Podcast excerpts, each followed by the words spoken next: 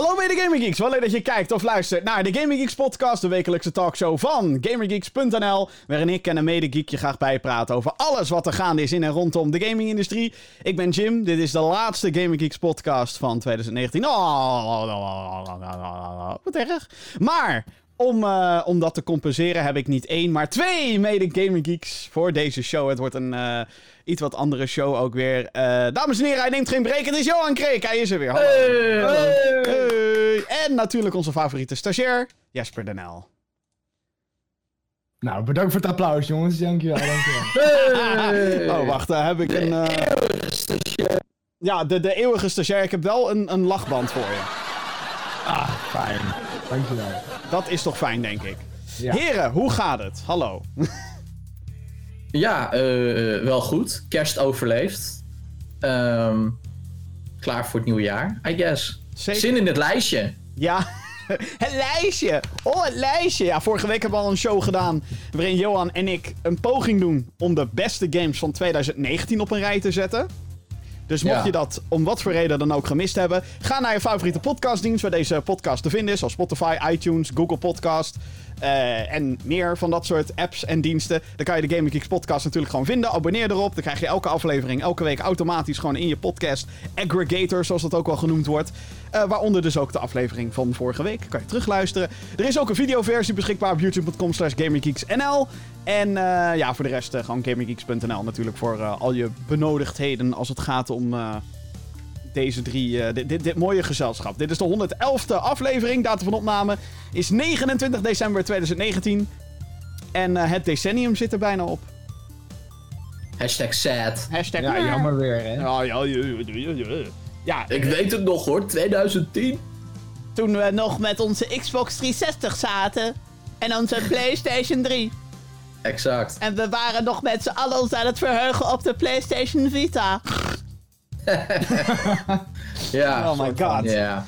En de, De Wii Vita. was nog relevant. oh, wauw. Jezus. Ja, Nu voel ik me echt oud. Oh shit. godverdomme zeg. Even Ja. om het er- in perspectief te zetten. In 2010 was ik 10 jaar oud. Geboren. Oh, ja. Ah, dan vind ik nou weer een lullige opmerking, jongen. Ik, eh, het was zo'n vraag. Het was zo'n vraag. Nee, nee, nee. nee. Nee, Ik was al wel even geboren, hoor. Jij was tien. Oh, toch wel. Jeetje. Nou ja, ja, ik was. eh, ik wil niet eens. eh, Ik, ik wil nou eigenlijk niet eens meer zeggen hoe oud ik toen was. maar. Jonger. Ja. Jim was toen jonger. Ik ook trouwens. jongen. Ja, nee, maar het, het- het decennium is bijna voorbij. Dus dit leek ons wel eh, de perfecte aanleiding om de 15. Want 10 is eigenlijk veel te krap. Dat is te klein. Dan, krijg je, dan geef je veel te weinig games aan podium, vind ik. Maar de 15 beste games van de 2010's. Teens. Nou, wat een origineel idee. Ja, goed Ja, hè? dat, dat heeft echt nog niemand bedacht. Ik wil ook even hierbij zeggen dat wij de eerste waren. En oh ja, we zijn altijd wat langzamer. Eh, dus iedereen heeft het idee toen gekopieerd. En eh, ja, nu eh, doen wij het dus. Maar wij waren, de, de, wij waren de originele stichter van dit idee. Wij hadden dit idee, wij hadden dit idee in februari al. Ga maar kijken bij het octrooibureau. Het staat op naam van Gaming Geeks. Er komt een hele rechtszaak. Dit is van ons. Gamer Kicks Gate. Maar ik kan wel zeggen dat niemand Dit lijstje heeft. dit lijstje heeft. Helemaal niemand. Goed, ehm, ja, we gaan het dus alleen maar daarover hebben. De beste games van de afgelopen 10 jaar. In de 2010's hebben we dus meerdere consoles en platforms mogen verwelkomen. Zoals de Wii U. Die is ook net zo snel weer gestorven. De PlayStation Vita, same, helaas. De Xbox One natuurlijk, de PlayStation 4 en de Nintendo Switch. Het is tevens ook de eerste keer geweest dat we voor home, eh, con- home consoles performance upgrades kregen. Zoals de Xbox One X en PlayStation 4 Pro. Voor handhelds was dit al een dingetje met Nintendo natuurlijk. En een DS Lite en een DSi en dat soort shit. Dat was allemaal voor 2010. Ehm, dit is dus inderdaad onze lijst. Eh, als in... Alle geeks hebben hun eigen top 15 games bij mij ingeleverd. Ik zelf ook. Ik heb tegen de hele groep heb ik gezegd... Hé hey jongens, wat zijn jullie favoriete games van de 2010s? En toen was het van, ah, hoe kan je me dit aandoen? Hè? Wat een vraag, Johan. Hoe was jouw ervaring met het invullen van dit lijstje? Ja, pijnlijk. Ik, eh, ik denk, ik ben er nog steeds niet tevreden mee. Maar je, je moest hem hebben, anders konden we nu hier niet zitten met dit briljante originele idee natuurlijk. Eh, en ja, dus heb ik een lijstje samengesteld met eh, heel veel pijn in mijn hart. Ja, dit Kost me was... 10 jaar dit. Ja, nee, dat, dat snap ik, ja. Weer, weer- Op een gegeven moment moet je kiezen, hè, jongen. Je Ja. moet kiezen. Ja. Kill your darlings. Of in dit geval, weet gewoon niet meer wat de fuck je gespeeld hebt de afgelopen 10 jaar. Ook dat, ja. Want eh, ook als ik nu weer ga googlen, dan van... Hé, welke games zijn eigenlijk de afgelopen 10 jaar allemaal uitgekomen? We hadden letterlijk de lijst der lijsten kunnen maken. We hadden letterlijk een top 2000 kunnen maken. Maar dan had deze show waarschijnlijk ook heel lang geduurd. Langer Dan dan, de hadden we er over vier dagen moeten smeren, toch? Ja, langer dan de top 2000 zelf, denk ik. Want ik denk dat we langer dan 3,5 minuut tot 6 minuten kunnen lullen over, over bepaalde games. Dus- Oh, jawel. Makkelijk. jawel. Challenge accepted. we kunnen Ja. over Fallout 76 drie uur kunnen we daarover uitsmeren. Ja, ik denk alleen niet dat die 76 in de top 2000 zou staan, persoonlijk. Maar ik zou bijna alles op alles om eh, die, die juist uit die lijst te Eruit te halen. Zeg maar. Precies, dan toch maar dat ene nutteloze mobiele spelletje dat je twee keer hebt aangezet in plaats van Fallout 76. Dan maar Fallout 4, weet je wel. Dan maar Jetpack Joyride. Dan maar. Fallout Shelter. Eh, ja, dus, of Shelter inderdaad. dus ja, iedereen heeft een lijstje ingevuld. En bij elke rang hoort een aantal punten. Alle punten zijn dus de, bij elkaar opgeteld. Als, als, in, als ik voor een bepaalde game heb gestemd en iemand anders ook, de, dan tel je die punten bij elkaar op. Lijkt me logisch. Eh, en daar is de volgorde ontstaan die we dan zometeen ga, aan je gaan voorleggen. Bij gelijk aantal punten krijgen games die op meerdere lijsten stonden voorrang. Mocht dit niet het geval zijn geweest, dan is er een stemming gehouden welke van de twee games het verdient om hoger te staan. Dit laatste is slechts bij één titel het geval geweest en dat ging over nummer 15 op de lijst, dus de, de, de laatste zeg maar op de lijst. Ja, Eh, we hebben hier- om, ge- om geduelleerd, toch? ja, Met Ja. lightsabers. de reden waarom we niet alle geeks doen in deze show is omdat er twee inmiddels zijn overleden. Nee, nee, nee, nee, nee. Oh, Nee, nee, dat is niet in memoriam. Maar het was wel heel toevallig dat dat juist de twee mensen eh, waren die stemden voor Resident Evil 7 Biohazard. Die staat dus net niet op de lijst, maar een eervolle Oh. vermelding bij deze. En zeker ook een hele noemenswaardige titel, vind ik. Ook voor de afgelopen 10 jaar. Het is een beetje de hè, Capcom die zegt: Oh shit, we fucked up Resident Evil. Hier is Resident Evil weer terug. Dus wat dat betreft, Mhm. eh, wellicht eervol. eh, goed, goed dat die bij deze nog genoemd wordt. Er zijn natuurlijk, weet ik hoeveel games waarvan je zou zeggen: Oh ja, die zal er wel tussen staan, die er niet tussen staan. Wow. Ik heb, even, ik heb letterlijk gegoogeld Best Games of 2010s. En dit is, wat er Laat je toen, verrassen. dit is wat er toen onder andere uitkwam die niet bij ons op de lijst staan. Red Dead Redemption. Nou, laat de haat maar komen. Ja, klopt. Red Dead Redemption 1 en 2 hebben wij beide niet op de lijst staan. Eh The Elder Scrolls 5 Skyrim, want die kwam uit in 2011. Dark Souls, eh, God of War, Fortnite. Nou, daar gingen alle, alle onze luisteren... Nou ja. Eh, Mass, Ja. Gingen de luisteraars. Mass. Effect. Mass Effect 2 eh, en 3 dus ook niet. Eh, The Legend of Zelda Breath of the Wild. Ik denk dat dit een hele grote is waarvan mensen zeggen... Wat? Kwam die, kwam die deze periode nog uit? Ah, dat wist ik helemaal niet. The Breath of the Wild, hè, heb ik het over. Ja, ja precies. Geen idee. Oké. Nooit van gehoord. Telltale's The Walking Dead, eh, Celeste en Portal 2. Die staan allemaal niet... Celeste. Ja, en ik wil daar graag... Celeste. Ja, nee, Super ik hoor alleen maar, zeg maar, van, van, van... Oh, Celeste is zo fantastisch. Oh, Het is gewoon een Super Meat Boy aftreksel, man. Ik bedoel, het is Zo, leuk. Zo, holy shit. Oh. Ja, het is leuk, maar het is niet de best game of the decade. Flikker op, man. Wow, wow, wow, wow, wow, Jezus wow, wow, Christus. Jezus Christus. Man, man. Rustig. Celeste. Just Maar saying. ik wil, ik wil graag aan dit lijstje Super Smash Bros. Ultimate nog even toevoegen. Oh ja, ja. Pokémon Go, man. What the fuck, Celeste. Oké, nou ja, kijk, dat zijn inderdaad ook twee grote... Ik zit nu zelf ook weer te denken, hmm, wat, wat zou ik er nog op kunnen zetten? Wat, eh... Er is te veel, man. Er is veel te veel. Celeste. Risk of Rain 2, dames en heren. Die is nog niet uit. Nou, ik heb hem, eh, ik heb hem in mijn... Ja, jongens, Fallout Hij 76. is nog in early access. Fallout 76 had er gewoon op moeten staan. Kom op. Ja. Maar ho, hij staat niet in dit lijstje, dus misschien dat hij nog wel in de, eigen lijst staat. Hé, hey, ik wil niet weten wat er wel of niet in het lijst staat. Ik ga dus blind het lijstje in. Ja, Johan is de enige die het lijstje nog niet heeft gezien. Hè, Dus- alleen, de, alleen de 15, want ja, ik moest het verwijderen. Ja, dus. precies. Dus, dus als we een soort van natuurlijke... "Uh," of what the fuck, dan is dat zeg maar 100% real. Het is Vanuit, helemaal legitiem. vanuit Johans kant dan, inderdaad. Ik heb hem al wel gelezen, want ik hou van spoilers. Wauw. Ik ook, op een auto. Ja, precies. Snap je? Nou, op, eh, op nummer 1 Need for Speed eh, met heel veel spoilers en zo. Niet Haha. voor Speed Heat. Vet, niet for Speed Underground. Het is 2005 helaas, niet de 2010s. Maar even, even heel kort resume dan nog. Eh, als je terugblikt naar, naar de afgelopen 10 jaar qua gaming. wat is dan het aspect wat jou is bijgebleven? En dan geen games noemen, obviously, maar Verhaal. Micro, microtransactions. lootbox. Lootbox. Nee, maar verhaal is steeds belangrijker geworden in games. En, en, en dat, dat is denk ik wel echt een ontwikkeling geweest die natuurlijk wel eerder is ingezet. Maar ik denk dat zeker, zeker sinds die periode, en er zijn natuurlijk een aantal games geweest die dat fenomenaal hebben gedaan. Als die niet in de lijst staat, dan loop ik zo meteen gewoon weg. Eh, en eh, ja, die hebben wel een nieuwe standaard gezet voor hoe je een verhaal kan vertellen in eh videogame vorm. Oké, Dus ja. ik, ja, ik wil zeggen verhaal. Ik vind dat eigenlijk wel een hele goeie, ja. Het is eh, veel meer... Emotie is denk ik nog Ja. korter. Dat ook al is het verhaal heel minimaal... dat er alsnog een soort van emotie bij mensen wordt losgewekt. En of dat nou komt door de graphics of door inderdaad voice acting... Of, Of door... regie of wat dan Regie, ook, inderdaad. Ja, het is inderdaad, het is meer een, een, een, een emotioneel eh, eh, eh, entertainmentmiddel geworden. In Ja. plaats van alleen maar entertainment om maar te spelen en te knallen. Ja, Ja, ik heb gemerkt dat, dat gaming steeds meer omarmd wordt door grotere groepen mensen, zeg maar. Als je kijkt naar vroeger, Mhm. was gaming toch wel een beetje een dingetje voor, voor nerds en zo. Mhm. ja, ja. En nu tegenwoordig eh, eh, eh, raak één iemand eh, op een straat aan en vraag aan hem van... joh, heb je wel eens een game gespeeld? Nou, de kans is eh, vrij groot dat hij zegt van, ja, ik eh, heb eh, FIFA Rollercoaster. Tycoon. Ja, Rollercoaster Het is Fortnite, inderdaad van- weet ik het allemaal. Het is inderdaad veel meer mainstream geworden. Waardoor ik Ja. mezelf streamer geworden, ja. overigens altijd nog verbaas als er weer een of ander fucking item komt bij Pauw.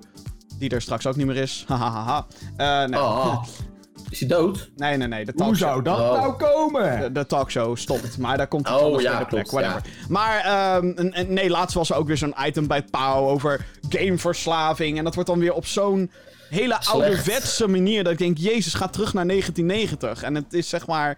Daarin zijn we, eh, staan we nog heel erg stil. Dat je Ja. denkt, die, die, die, die oudere generaties die snappen het nog steeds niet.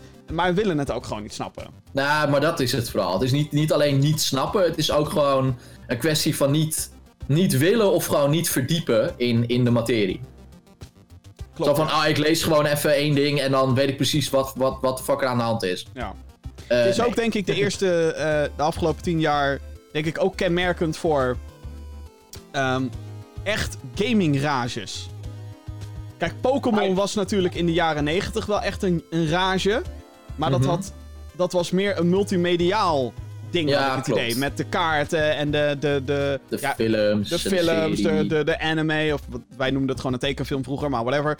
Weet je, wel, dat, dat was echt, hè, dat was Pokémon, het fenomeen Pokémon. En daar was, de, daar was de, de, de, de game een onderdeel van eigenlijk, de Game Boy game.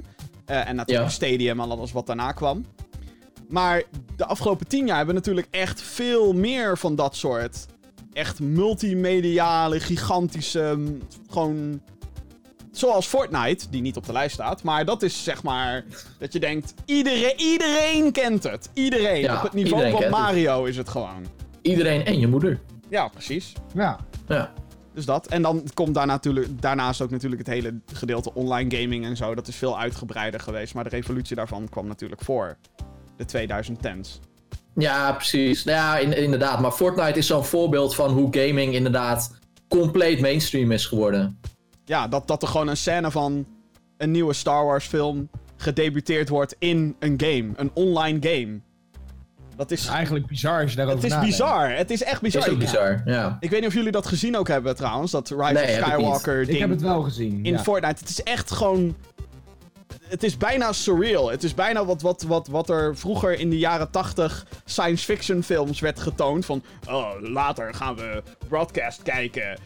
In de vorm van een avatar. In de blablabla. Dat is letterlijk wat er nu gebeurt. What the fuck? Ja. Bizar. Nee, ik heb, ik heb dat denk ik overgeslagen omdat ik eh, geen spoilers wil. Ja, het was echt een scène van een minuutje trouwens. Die verder helemaal geen context had voor. Maar waarschijnlijk net kort op de, op de release van de film, toch? Ja, ja, ja. Het was een paar dagen Ja, ik ging die zaterdag al, dus... eh, Ja. Kutfilm, hè? Ja, ik, eh, ik ben wel slim geweest. Ik heb wel, zeg maar, dat stukje uit Fortnite heb ik later pas gekeken nadat ik de film gezien heb. Oh ja, oh Dus ik heb toen ja. even gewoon ook gegoogeld van Fortnite Star Wars event en dan zo de video gekeken. Van Ah, slim, slim. Toen ik slim. van, oh, is dit alles wat ze hebben laten zien? Oké. Ja, het viel eigenlijk wel mee. Goed. Ja, kunnen kijken. Nou, laten we het niet langer ophouden dan. Laten we naar de lijst der lijsten gaan. De... Fuck you, top 2000. Hoppakee. Op Wij zijn er. nummer, v- op nummer 15 eh, van de best games of the decade staat Bloodborne. Wow! Hey! Deze, wisten we, deze wisten we dan al. Of althans, Deze wist ik al, Deze wist Johan al, inderdaad. Vandaar mijn verbazing. What? Wat? Eh, voor velen was Bloodborne... Zo de- laag? Ja. voor velen was Bloodborne de ultieme Souls-like. Een eh, subgenre die geïntroduceerd werd door de ontwikkelstudio From Software. Met Demon's Souls en Dark Souls natuurlijk. Het genre staat bekend om zijn moeilijkheidsgraad en mechanieken rondom het, eh, rondom het sterven van jouw personage. Want ja, waarom ook niet zou je denken. Ehm, Bloodborne bracht in principe naar de gotische stad Yarnum. En bracht een andere flow van gameplay met zich mee. Eentje die meer agressief is. Dit is een van de titels die ervoor zorgde dat de PlayStation 4 zijn bijna naadloze reputatie kreeg. Goed, eh, goed verwoord, denk ik. Ja, Bloodborne is denk ik met afstand niet, niet alleen een van mijn favoriete games van de afgelopen 10 jaar. Maar ook gewoon mijn favoriete PlayStation 4 game. Wauw, dat is best Ja, een uitspraak eigenlijk. Ja, nee, echt. Dat gevoel als je. Oh, oh man, ik weet het nog zo goed. Ik speelde die game uit en het was, het was een uurtje of half één s'nachts. En ik was het met een, eh, met een vriend aan het doen eh, over de telefoon, zeg maar, samen.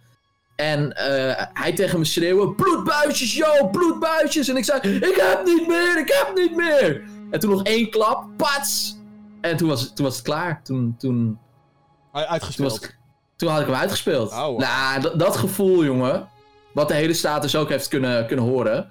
Dat, ja, insane. Ja, ik vind vooral, eh, want ik, ik, ik, ben, ik ben helemaal niet zo van de Souls-like eh, games. Ik heb er het geduld niet voor, et cetera, et cetera. Ik heb Bloodborne ook Jij hebt deze nog gereviewd, weet ik. Zeker, ja. Dat is lang geleden, dames en heren. Ik heb deze ook niet uitgespeeld. Eh, maar ik Met vond je pussybed. ook, zeker. En omdat ik zoiets had van, ja, ik kan wel deze game over drie jaar gaan reviewen. En dan was ik waarschijnlijk nu nog steeds niet klaar met die videorecensie. maar, hey, ehm, maar eh, ik vond de, de sfeer van deze game vond ik zo vet.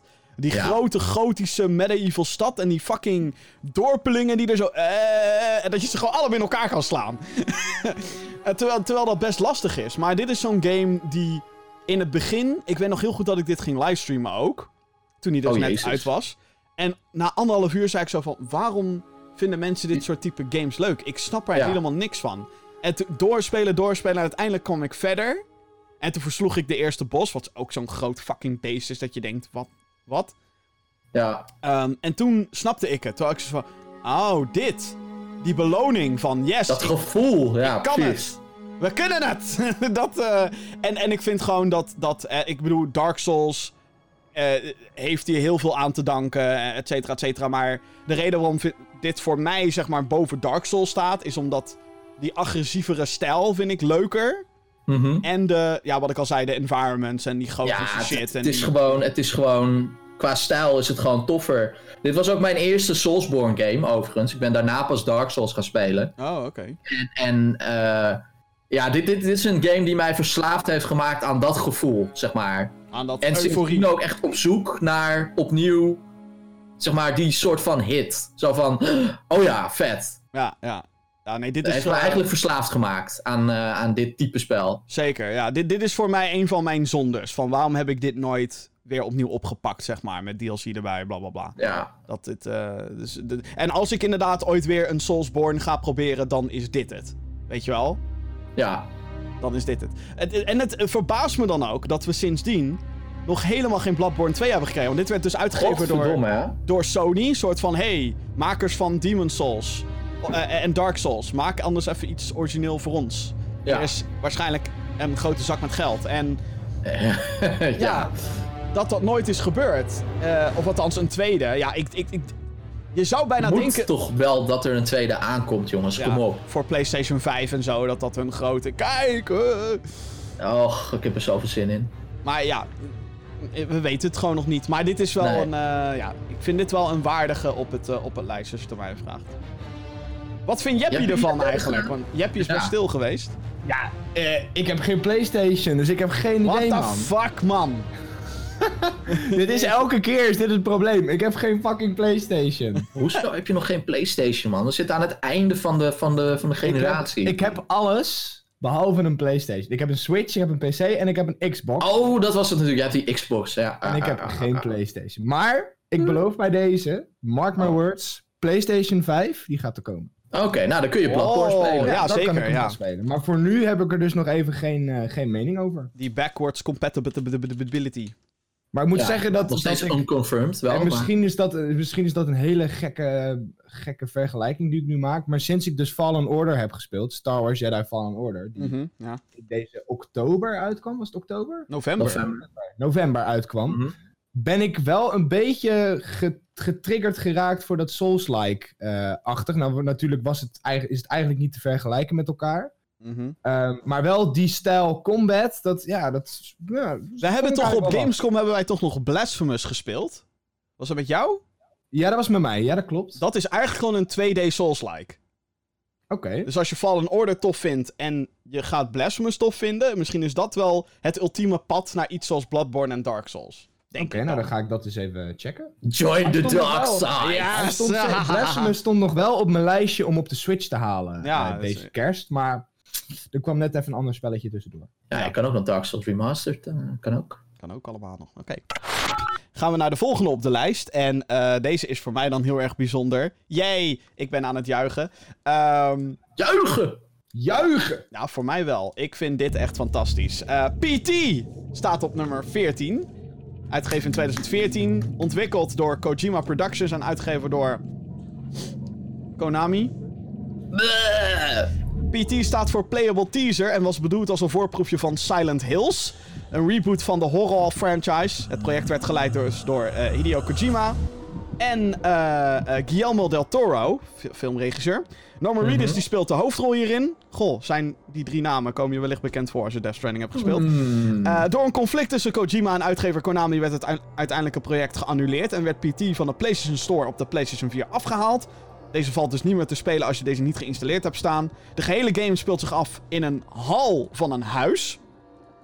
Eh, ik zit nou ook die beelden te kijken. Ik krijg gewoon weer rilling over mijn fucking lijf. Huh?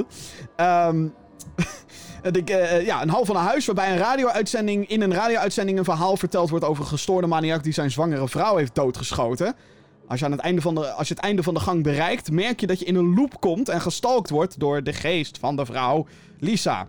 Vijf jaar later roepen de beelden van de game dus nog steeds rillingen op bij gamers die het hebben mogen meemaken. De mysterieuze manier hoe het ware einde, en daarmee de teaser trailer voor Silent Hills, ehm, dat was een unieke puzzel die alle gimmicks van de PlayStation 4 gebruikte. Van de microfoon tot aan de camera tot whatever. Ehm ja, dat. PT. Ja. Echt een Ja. one of a kind, eh, zeg maar. Dit- ja, en nooit, nooit afgemaakt. Echt fucking zonde gewoon. Ja, dit is. eh Nou, het verhaal van PT. Ik weet nog heel goed, ik ging met eh, Geek Vincent en Geek Jeroen. Gingen we naar ehm, Arjan toe. Eh Oh ja. Arjan- Arjan.org voor de, voor de mensen die op YouTube zitten. Super aardige gast, speelt ook games, eh bla bla bla. En ehm, we gingen daar naartoe om Doctor Who te kijken. Dat was toen eh, Pieter Capaldi speelde toen de dokter. En dat was toen een heel fenomeen. We hadden he- helemaal zin in. We hadden dat gekeken, was hartstikke leuk. En Arjan die start zijn PlayStation 4 op. En ja, hebben jullie dat PT al gespeeld? En wij, ja, ik heb het wel gedownload, maar niet gespeeld. Whatever. Wat, wat is het eigenlijk? Ja, een horror game. Oh god, daar gaan we.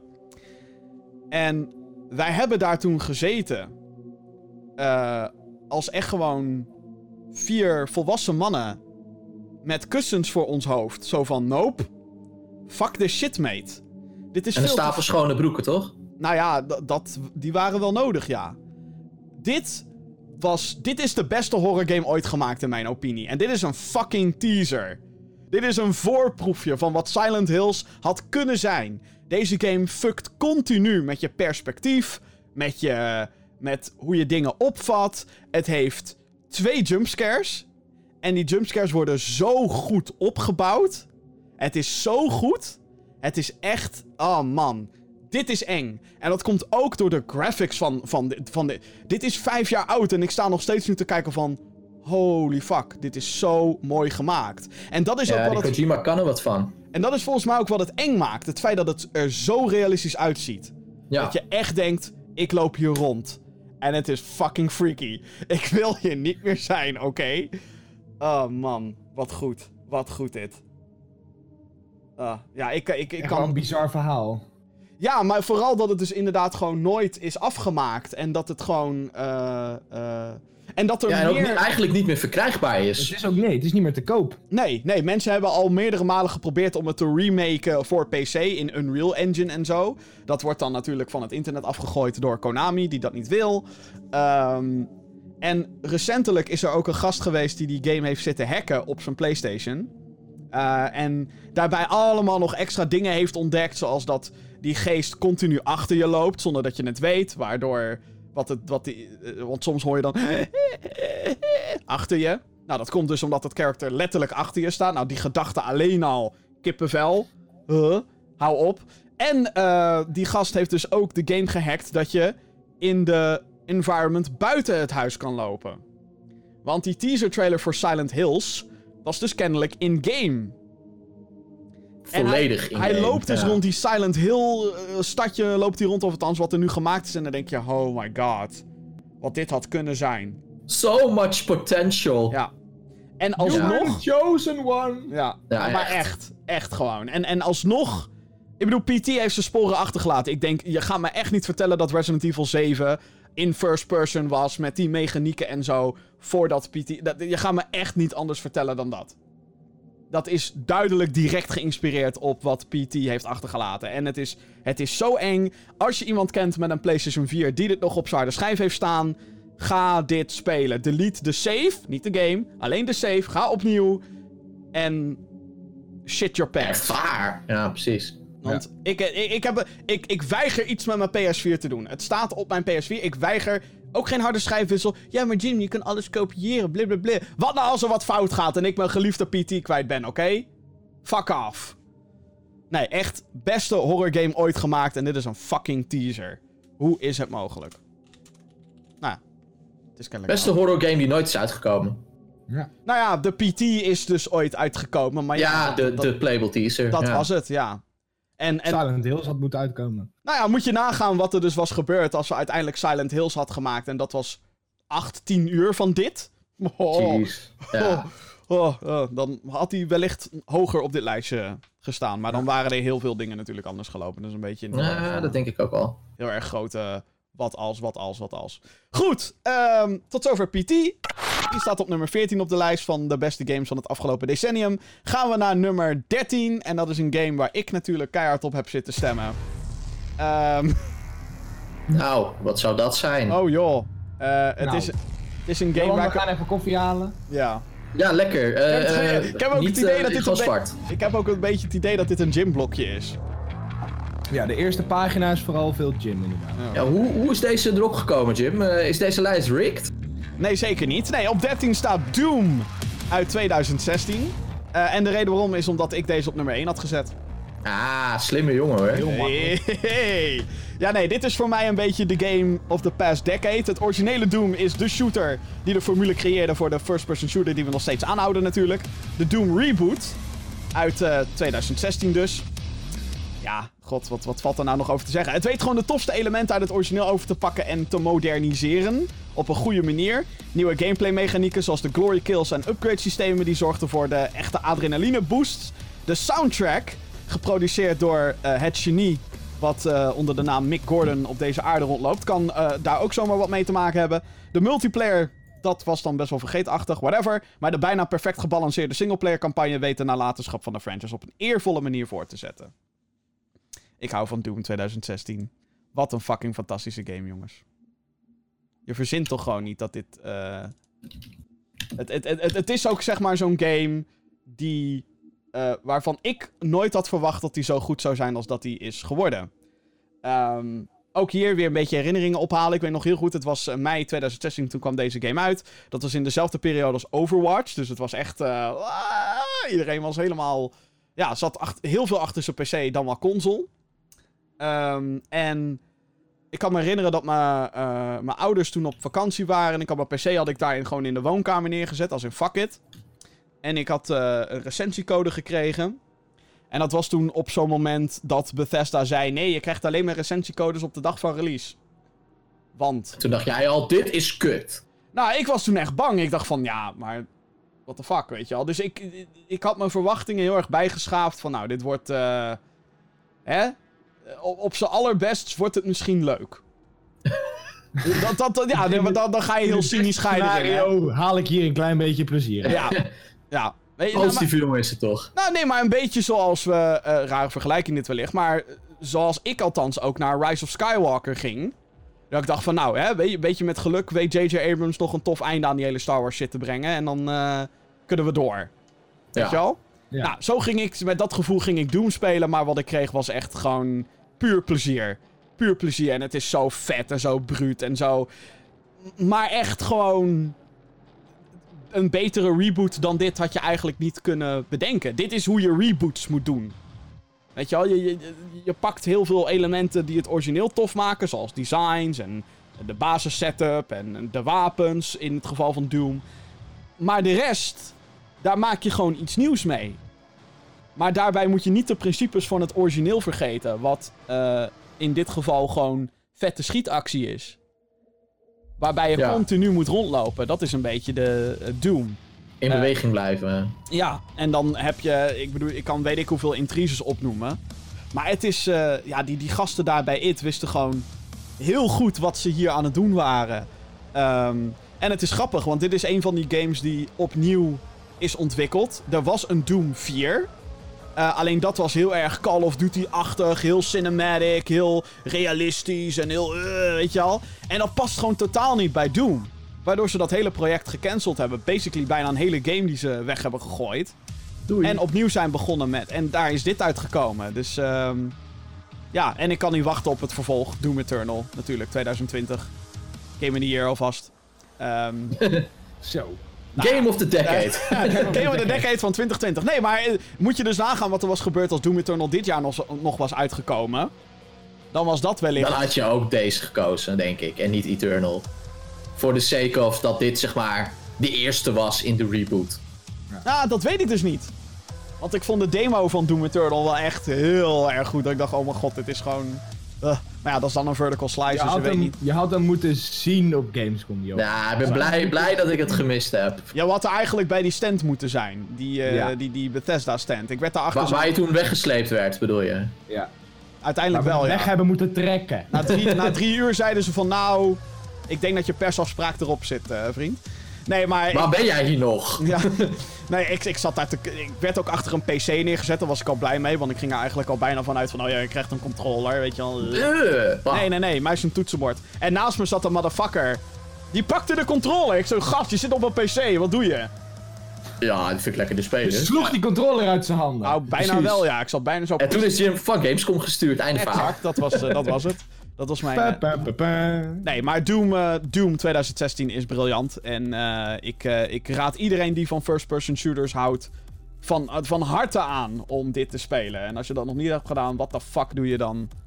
Ga Doom Met je spelen. leven. Hij is best wel vaak in de aanbieding ook op Steam. Zeker, ja. Nee, je kan hem volgens mij voor 5 euro of zo krijgen bij Steam Ja. Winter Sales en zo. Dus eh, Ja, we hebben Jesper, onze stagiair, hebben gevraagd om alle soort van aanbiedingen van de games die we benoemen op een rijtje te zetten. Dus als er iets in de aanbieding is, dan roept Jesper het Dan even. roep ik het, ja. dat lijkt me heel knap als dat, eh, als dat gebeurt. Ehm, Ik ga het gewoon, ik ga het gewoon as we go gewoon googlen. Gaan wij inmiddels door naar de volgende. En eh, nou ja, Jeppie, hier moet jij even commentaar op leveren. Oh oh. Ja. Want dit is jouw, eh, dit is zeg maar jouw vote op nummer 12 van de Games of the Decade. De 2010's, dus Minecraft. Ja, ik heb eh, deze eh, op mijn lijstje stijf bovenaan gezet. Omdat ik zoiets heb van, oké, Minecraft is wat mij betreft van deze decade, naast Fortnite dan misschien nog, Ja. de meest invloedrijke game die we eigenlijk gezien hebben. Ja, even eh, de kleine omschrijving. Minecraft was een gamingrage die bestemd zijn voor slechts een paar andere titels. Zoals, nou, waar we het eerder al over hadden, Pokémon en, en Fortnite inderdaad. Vele YouTubers hebben hun gehele carrière mede te danken aan deze game, waarin de mogelijkheden eindeloos lijken te zijn. Het bouwen van een gigantische wereld, eh, of proberen te overleven in een willekeurig gegenereerde setting. Eh, met support op elk denkbaar platform en een manier voor jong en oud om je te uiten op wat voor manier dan ook. Ja, daardoor werd Minecraft een verplichting in plaats van een willekeurig videospelletje. De voxelstijl is sinds de release ook talloze keren gekopieerd. Ja, klopt helemaal. Ja, wat, wat voor mij zeg maar Minecraft zo speciaal maakte, is niet alleen eh, de creativiteit die je erin had, want het was eigenlijk gewoon een digitale Lego-doos die je kreeg. Vroeger, toen ik. Vroeger. Nog, vroeger, toen ik nog klein was, kun je nagaan hoe kort geleden dat nog was. Eh, ik maakte grap alvast. Jee. Twee- Maar 2000. ehm, je kreeg een doos Lego van ja, ja. het is wel waar. Dus. Maar ehm, je kreeg een doos Lego voor, voor de kerst of voor Sinterklaas. En dan ging je door die boekjes heen en dan kon je allemaal verschillende blokjes, weet je wel. Je kent het wel, Lego. Geweldig. Ja. Dit was eigenlijk Lego on steroids. Want je had oneindig veel blokjes, oneindig veel mogelijkheden. En gewoon, dit was voor mij echt de shit. Dit was echt de shit. Ik heb dit zoveel zitten spelen met vrienden, alleen. Gewoon, zeg maar, als een, als een 12, 13, 14-jarig jongetje. Ik heb het echt vet lang gespeeld, namelijk. Heb jij het dan ook nog gespeeld toen het zeg maar nog niet officieel uit was? Want het is natuurlijk heel lang soort van in, in, in beta is het geweest. Nee, ik heb het pas... Ik denk dat ik het in 2012 heb opgepakt. Oké. Dus toen was het al best wel een tijdje uit. Ja, in eh, de Eh. officiële release datum eh, overal wordt genoemd als 2011. Ja, en eigenlijk Oké. volgens mij in, in beta-versie in 2009 of zo. Ja, Ja, volgens mij had kunnen, Nord ja. de eerste alpha inderdaad in 2009 ergens op een forum gepost. Ja, ja, wat ja. al natuurlijk een legendarisch iets is geweest. Ja, klopt. Maar dus gewoon, deze game is zo invloedrijk geweest. Niet alleen door wat het eigenlijk heeft nagelaten. Want iedereen kent het, kent het gezichtje van de Creeper, kennen ze wel. Eh, dat is eh, voor altijd, eh, staat dat in de, de generatie, zeg maar, mijn generatie zit dat in het eh, geheugen gegrift. Ehm, maar ook gewoon het plezier wat, wat je er als kind uithaalt. Want je hebt, als kind ben je een beetje je bent nog niet beïnvloed door buitenaf, een soort van, als je begrijpt wat ik bedoel. Je hebt nog geen echte invloeden van buitenaf. Je gaat wel naar school, maar ehm, je, je, je, je creativiteit is nog heel erg onbevangen. En je bent nog niet in een hokje geplaatst van dit ben jij, zeg maar. Je bent heel erg aan het ontdekken van... Jij houdt van blauw. de, in de ja, hedendaagse wat vind ik cultuur vind ik toch gewoon dat Die wil dat... ik zijn. Ja. En voor mij was Minecraft echt dat platform waar ik gewoon kon zijn wie ik wilde. Dat was jouw En- coming out als gamer. Ja, eigenlijk wel. En wat ik ook, waar ik kon doen wat ik wilde en, en een beetje kon ontdekken wat ik leuk vond. En ja, daarom heb ik zoiets van deze staat voor mij echt gewoon op mijn persoonlijke lijst echt gewoon op één. Omdat dit echt gewoon mijn leven heeft veranderd. Ja, ik, ik heb Minecraft zelf nooit... Nou ja, wel, wel gespeeld natuurlijk, maar ik snapte het nooit heel erg. Ehm, maar dat... Je bent te oud. Ik ben te oud. Eh, Nee, nee, nee, nee. nee. nee. Oké, wacht. Stomme millennials. Dat, dat, is Ja. wel, dat is wellicht de verkeerde bewoording ook. Want ik snap heel goed waarom dit Ik ook. zo ontzettend... Ik bedoel, we hebben zelf ook in de, in de vroegere tijden van, van Gaming Wij Geeks- hadden ook Lego. Eh, nee, maar in, in, de, in de oude tijden, zeg maar de begintijden van Gaming Geeks... wat inmiddels ook best lang geleden is... ehm, deden we livestreams waarin we een Pokémon stadion, stadion gebouwd hadden... en dat we ook tegen elkaar gingen vechten... en dat mensen dan volgens TNT-blokken gingen plaatsen... en dan, nee, dit is tegen de regel... en dan alles naar de kloten en alles naar de tering. Eh, ik ben down as fuck, maar dan ben ik... Ben ik nou ja. Ehm, maar het was... eh, het, het- dit is zeg maar... Een, een game die heel veel grenzen openbreekt. Ja. wel, dit is zo'n spel die ehm, niet ophoudt bij een leaderboard of bij het verhaal of whatever. Het gaat... ja, maar het is ook inderdaad zo, en dat, dat, dat laat zeg maar zien hoe creatief je kunt zijn met dit spel. Mensen die compleet eigen game modi hebben bedacht binnen de wereld van, van Minecraft. Het hele Battle Royale genre komt vanuit Minecraft. Echt waar? Is dat Ja, zo? want eh, eh, de Hunger Games mode, Oh ja, die- dat tuurlijk. is in Minecraft is dat begonnen. Nou, niet in de boeken van de Hunger Games. Nee, niet in de boeken. Ja, Maar wel de film als Battle Royale zeg was er maar. volgens mij ook nog. Die, eh, Die film, ja. Maar als een, als, een, als een daadwerkelijk spel, zeg maar online, Mhm. is voor zover ik weet, Minecraft wel een van de eerste. hmm, dat is wel een interessante... en waar het ook daadwerkelijk populair was. dat, dat is inderdaad ook nog een tweede ding, inderdaad. Moet wel ergens aanslaan of zo. Ja. Nee, ja, maar ja, Min- Minecraft is, is, is gewoon Maar ja. een, een, een, een fenomeen gewe nou, geweest. Het is Nog steeds. nog steeds. ja, het wordt nog steeds echt heel veel gespeeld. Heel veel gespeeld, ja. En het is ook een van de best verkochte games aller tijden. Dan wel niet de best verkochte game aller tijden. Volgens mij zit hij op 150 miljoen of zo. Sturing. En dat, dat, dat, dat, ja, ik bedoel, het is op Switch, het is op PlayStation, het is op Xbox, het is op je En op mobiel, je telefoon. Ja. op PC. Maar ja, dat is, dat is dus Mijn wat ik nieuwe zeg. koelkast heeft Minecraft. Iedereen die enige interesse heeft in gaming, kent Minecraft. ja. ja, zeker. Ja, dit is, dit is Hetzelfde als dat ze dus Fortnite en Pokémon ook wel zullen kennen. Mhm. Ja, het, is, het heeft zo'n invloed gehad. En ja, gewoon echt, echt een heel goed spel geweest. Echt fenomenaal. geweest. Speel je het nog wel eens? Nog steeds. Ik speel het nog wel eens, ja. Maar niet zo diehard als dat ik het vroeger En deed. wat doe je dan precies? Eh, nou, ik vind het dus heel leuk om gewoon een survival wereldje te starten. En eh, dan gewoon, zeg maar, hè, te overleven. En- Huisje maken en dan Huisje eh, hopen maken, dat je de nacht overleeft. Ja, en dan gewoon hè, creatief zijn. Dus blokjes gaan minen en daar vervolgens iets vets van bouwen. Ehm, maar ook af en toe, eh, weet je wel, gewoon nog zo'n minigame. Maar ik vind tegenwoordig dat eh, de microtransactions zich ook in Minecraft hebben ge- Ah, ge- ja. Geworteld. En Het is dat allemaal ik- van eh, Microsoft natuurlijk, hè?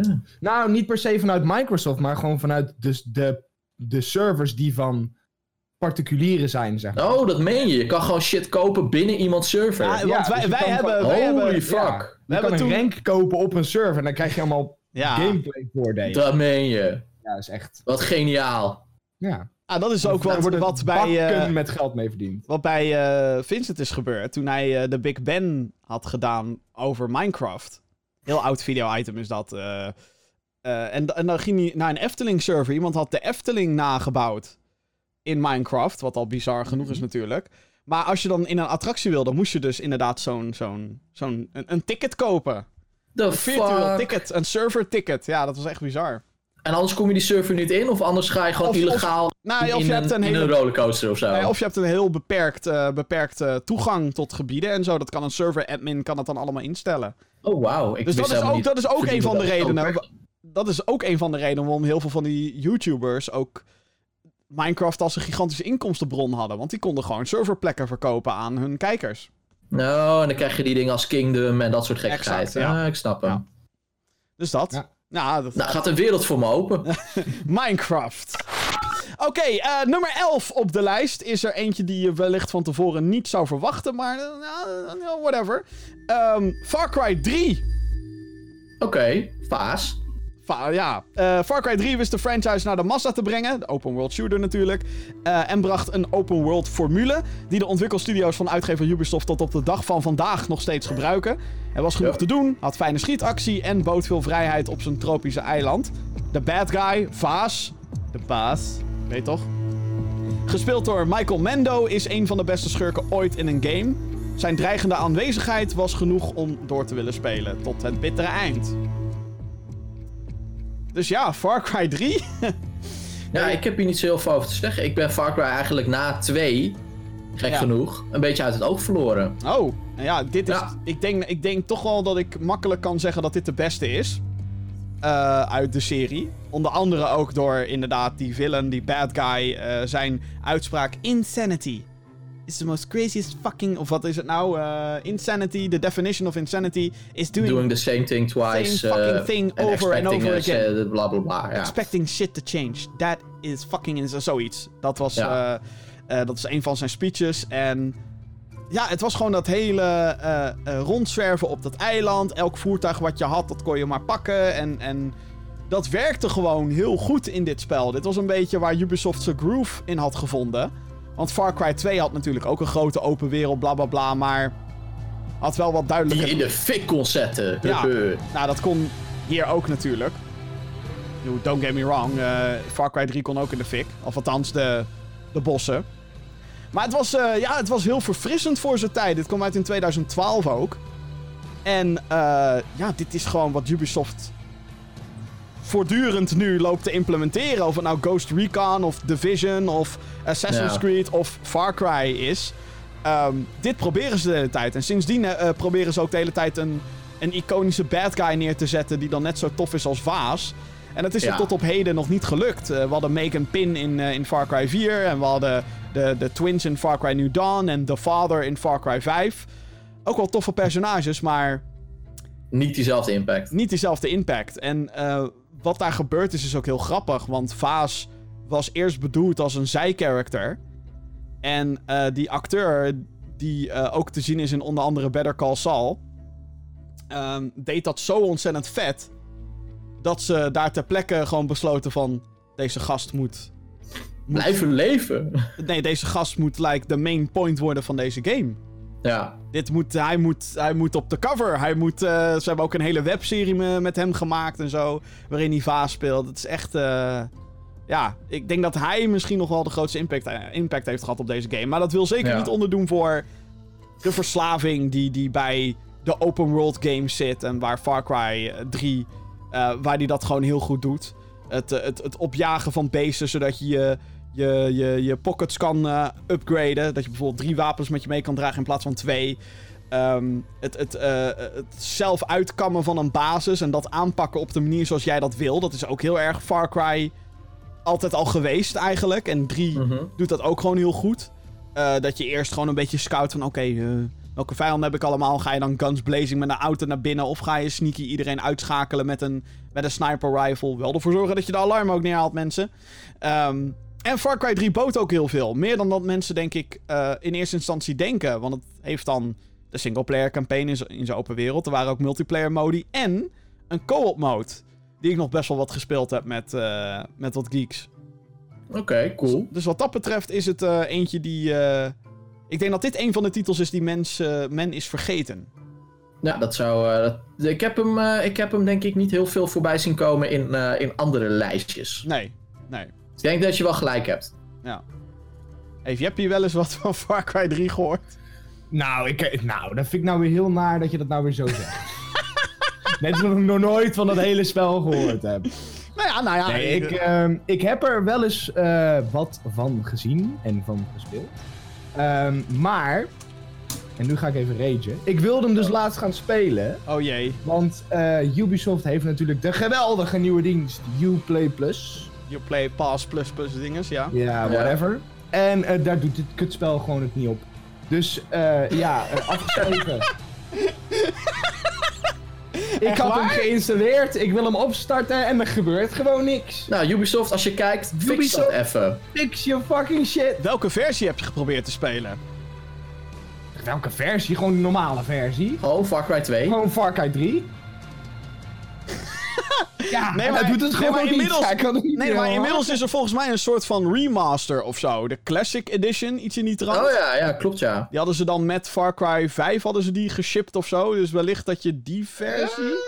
maar volgens nee. mij staat die serieus... Volgens mij, ap- dat stond er niet bij hoor. volgens mij was staat die ook eh, apart gelist in Uplay ook. Wat lekker verwarrend is, dankjewel. Ik heb ook twee keer Far Cry 3 in mijn Uplay-lijst staan. Oké. Want logisch. Is deze ook op Steam? Want dan ga ik hem gewoon op Steam spelen. Fuck Volgens mij is deze nog wel op Steam. Volgens mij nog is wel. wel een oudje, dus. Deze denk ik Tenzij ze hem wel. eraf hebben gehaald. Maar ik ik wil denk- hem dus eigenlijk super graag spelen. Maar ik denk maar dat dit, gewoon, eh, als het niet werkt, ja. ik denk dat dit Dan- een van die games is dat als je hem dan opstart in Steam, dat hij, Ja dan, staat er gewoon op. dat hij dan vervolgens Uplay opent van, oh hey, Far Cry. Ja, als hij het dan weer niet doet, godverdomme. 8 eurotjes. Is het nog steeds waard? Het is wel een ouwertje inmiddels Dat is natuurlijk. duurder dan Doom op dit moment. Ja, what the fuck. Doom, ik heb net gecheckt, Doom is nu 6 euro. 6 euro. Waar, eh, is, 6 euro. is een steal, jongens. Is een steal. Kan echt is niet. Steel. Ja. Nou. Maar goed. Next. Ik, hij staat dus nog op mijn lijstje, Precies. maar hij moet het eh, nog even doen. Deze staat eh, ook in een lijstje van jou. Eh, eh, ook in je Steam-lijstje, weet ik toevallig. Zeker weten. Oh, fucking hell. Jezus, En ook, dat is hard! en ook in, mijn- en ook in mijn, en ook in mijn Switch-lijstje. Oké, oké. Hey, ja. Interessant. Nummer 10, eh, Lethal League Blaze. Lethal League is een eh, indie game ontwikkeld door... Hey, Holland. Hey. Eh, eh, Nederlandse studio, Team Reptile. In de competitieve party game moet je een bal rammen en daarmee je tegenstanders raken. Met kleurrijke characters, een toffe vibe en fantastische gameplay weet de franchise een ongekende indruk achter te laten. Elementen zoals timing en subtiel klooien met je tegenstander zijn gameplay mechanieken die een grote rol spelen en ook subliem zijn uitgevoerd, als je het aan mij vraagt dan. Het vervolg Lethal League Blaze voegt betere graphics, meer modi en uiteraard meer personages toe. Ja, ze noemen het in de e-sports eh, scene noemen ze het ook subtiel klooien, hè? Ja. Ja, Dan hoor je zo'n commentator hoor je zeggen, oh hij is weer subtiel aan het klooien. Subtiel. Subtiel. Subtiel aan het klooien. is dat nou commentaar op mijn commentaar? subtiel aan het klooien. Nee, ik vind het mooi. Ja, eh, dit Ik is ben trouwens... heel eh, blij dat er een indie game tussen staat. Ja, dit is een, eh, een game die eh, eh, door jou, Jesper, en door Geek Jeroen is gestemd. Ja, Eh waar het niet dat Geek Jeroen heeft op Lethal League 1 gestemd. Als oké. Game of the Decade. Ja, en jij op, eh, jij op Blaze. Dus ik heb gewoon gezegd, fuck it, eh, Blaze is veel beter. dus ik heb gewoon gezegd, overruled, Ja, Blaze, Blaze breidt gewoon de, de, de formule uit, toch? Ja, maar het doet dat echt... eh, ik vind Blaze ook echt gewoon... Blaze is objectief beter. Ja. Moet Blaze een keer gaan Ja, spelen. nou, de, de reden dat ik hier dus op gestemd heb, omdat ik, ik was dus aan het twijfelen tussen Smash Bros. en dus Little League. Wauw. En ik had zoiets van, eigenlijk wat Super Smash Bros. Ultimate doet, is natuurlijk supergoed. Het is eigenlijk de endgame van eh, Super Smash eh, Bros. Mhm. Eh, maar ik vind gewoon Little League Blaze zoveel meer vermakelijker. Dat kan ik zo langer achter elkaar spelen dan Smash Bros. Wow! Dat het voor mij echt een, dat het voor mij echt een no-brainer was welke er zeg maar in, eh erin zit. Oké, oké, oké. Wauw. En Nou, dat zijn nogal dingen, hè? Dat is vooral het, het competitieve eraan, zeg maar. Ik vind het heel, heel leuk om dus gewoon tegen iemand, dus bijvo- bijvoorbeeld Jim en ik, die spelen het regelmatig wel eens. Ehm, Regelmatig wel eens. Ja, af en toe. Af en toe soms regelmatig. Ja. Soms regelmatig. Eens in het jaar. En eh om dat gewoon eens op te starten en gewoon tegen elkaar gewoon makkelijk 10, 15, 20 potjes achter elkaar. En dan Het zijn ook allemaal korte potjes natuurlijk. Ja, het zijn potjes van 5 minuten max, denk ik ongeveer. Ja, ik denk het wel. Ja. ja, ik noem het dus zelf altijd... eh, eh, dat vindt de ontwikkelaar niet leuk dat ik het noem. Maar ik zeg altijd dat het Smash Bros. is meets Pong. Door de element van die bal die je dus de hele tijd moet rammen. Ja, maar het zijn natuurlijk die special moves. En oh shit, hij gaat zijn special move inzetten. En oh, hij blokt de bal. Oh kut, hij vangt de bal. Dat soort elementen zitten er allemaal in. En dat maakt het inderdaad dat hele Ja. klooien. En net, net dingen wat anders doen dan dat je tegenstander verwacht. Ik denk dat daar vaak de sleutel zit tot succes. Ja. Ja.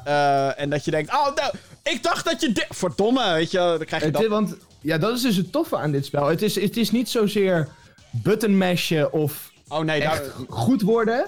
Het is meer... Het zijn meer mind games. Het zijn mind games. Ja. Ja, Wat ja, gaat ja. de tegenstander doen? En daar moet je op anticiperen. ja, dat klopt wel, ja. Maar is dat niet als- als hoe je hij, elke zeg maar- fighting game ook kan Als omschrijven? hij hem gaat gooien, of als hij hem gaat slaan, en jij wil hem dan vervolgens hè, uit zijn hand pakken, dan moet je dat ju- op precies het juiste moment doen. En dan moet je tegenstander weer de, ju- de juiste move doen, zodat je dan jouw move kan uitvoeren. En het, het is eigenlijk best wel ingewikkeld, maar toch ook niet. Ja, wat, wat Johan zegt van, hey, is dat niet gewoon elke fighting game? Dat klopt, dat maakt elke fighting game goed. Lijkt me. En heel competitief. En ik denk dat Blaze, of Lethal League in zijn algemeenheid, ook de eerste... ehm, die, die doet daar weer eens wat nieuws mee. En ik denk ook dat dat een van de redenen is waarom... eh, in, als ik voor de groep mag spreken... waarom er niet op Smash Brothers gestemd is. Want die formule was eigenlijk al Ja. geperfectioneerd in Melee, Melee. Super Smash Bros. Ja. Melee. En die kwam uit in 2002. En dat Mhm. doet helemaal niet onder voor de kwaliteit die Ultimate biedt trouwens. Want ik sta nog steeds verbaasd van hoeveel fucking content er in die game zit. Men zou bijna Nou. kunnen zeggen te veel. Ehm, Endgame. ja, Ja, endgame. maar de, eh, ja, dit, dit is dan weer net wat nieuws. En het hele principe van, oh, een bal die je moet raken en die dan je tegenstander raakt. eh, dat echt nieuw is het niet. Maar het is nooit op deze manier uitgevoerd. Als Nee. in goed.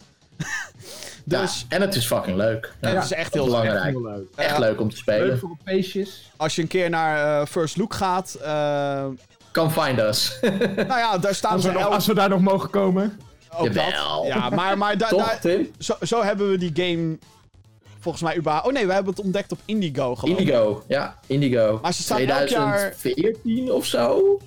Kan wel, ja. Maar ze staan echt... Elk jaar staan ze op First Look. En elke, elk jaar zie je gewoon weer... Dat mensen zich natuurlijk aangetrokken voelen tot, tot, tot dat spel. Komt Ehm, ook door dat geblair dat er van die stand afkomt. Ja, van... Dat mensen even gaan kijken, zo, wordt hier iemand afgemaakt? oh ja. Zeker. Ook door ons. Wordt ook. Eh, maar dan in de game en niet in real life. zijn een soort van ambassadors van deze game eh, zijn we inmiddels de boys. Ja. Volgens mij wel, ja. ja. Volgens mij wel, ja. Maar het is ook een heel goed spel. Dus eh, mocht je hem ooit... Ja, absoluut. Ze absoluut. verdienen de prijs. Ze Nou ja, ik heb ook zoiets van... Als je hem een paar keer gespeeld hebt op First Look... Wat inmiddels gewoon kan... en je vond het elke keer leuk, koop dan eens een keer gewoon een key of zo.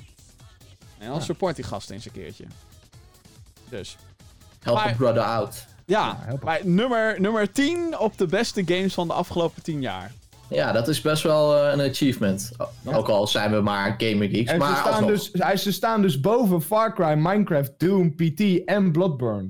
Ja, En dat is wel ja, maar even- omdat één iemand hem op, op één heeft gezet ook, hè? Wel een beetje nuanceren. Ik heb hem niet op één gezet. Nee, jij niet. nee, deze, deze stond niet op nummer 1. Maar Bij mij eh, staat hij bij op Kaman, nummer... Bij mij staat hij op nummer 7. nee, ook niet. Ook niet bij Kaman, nee. Oh, ik dacht dat je dat zei, joh. Nee, nee, nee, nee, nee. nee eh, Jeroen Ah, en oké. Jesper hebben hierop gestemd. En daardoor... Oh, oké, sorry. Hij heeft dubbele punten gekregen, zeg maar. Ja, ik snap. Ik snap hem. Dus ja, Eh, dat.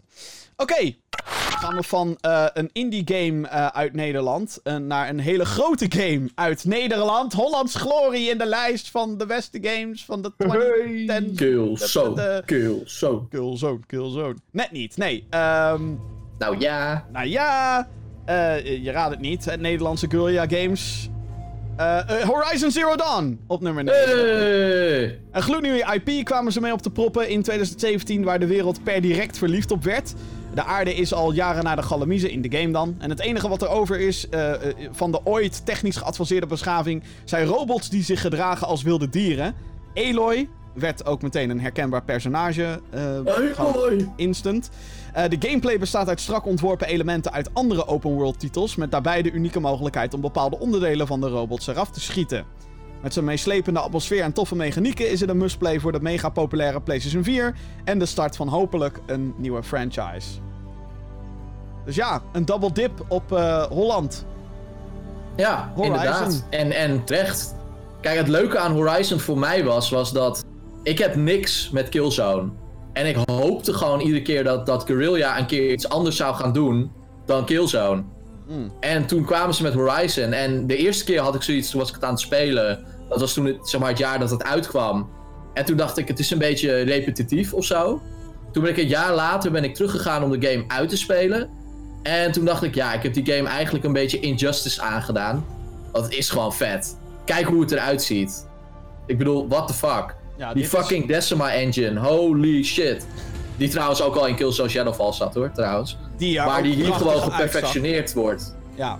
Nee, maar dit is gewoon... eh, eh, de- ik weet niet welke... nou ja, het zal wel een joint zijn geweest, want hey, Korea zit in Amsterdam. Maar, Mhm. eh, ik bedoel, geef die dealer nog een paar extra eh, plantages, zeg maar. Nou, ik weet, hoe dit, ik weet hoe deze game is ontstaan. Ja, ik want heb wie toevallig een komt er- gekeken. Ja, wie komt er op het idee om, zeg maar... hey, we hebben een soort Jurassic Park-achtige wereld, maar dan zijn de dieren robots. Nou, wat ze hebben gedaan, ze hebben een soort van interne pitch gedaan bij Guerrilla Games. eh, Ja. Toen ze zeiden van, oké, we gaan dus iets anders doen dan Killzone. Ja. Eh, toen kwam er eigenlijk al iemand met het idee dat eigenlijk Horizon was. Eh, en toen kwam er een andere game uit, dat was Enslaved. Oh ja. Eh, ja, en ja. toen vonden ze dat dat eigenlijk toch iets te veel op elkaar leek. Toen zijn ze een aantal jaar later zijn ze weer bij elkaar gekomen. Toen kwamen ze eigenlijk weer uit op... Ja, we moeten eigenlijk Horizon gaan maken. En toen zijn ze echt Horizon gaan maken. En de, de engine die ze zeg maar voor Killzone Shadowfall hebben gemaakt...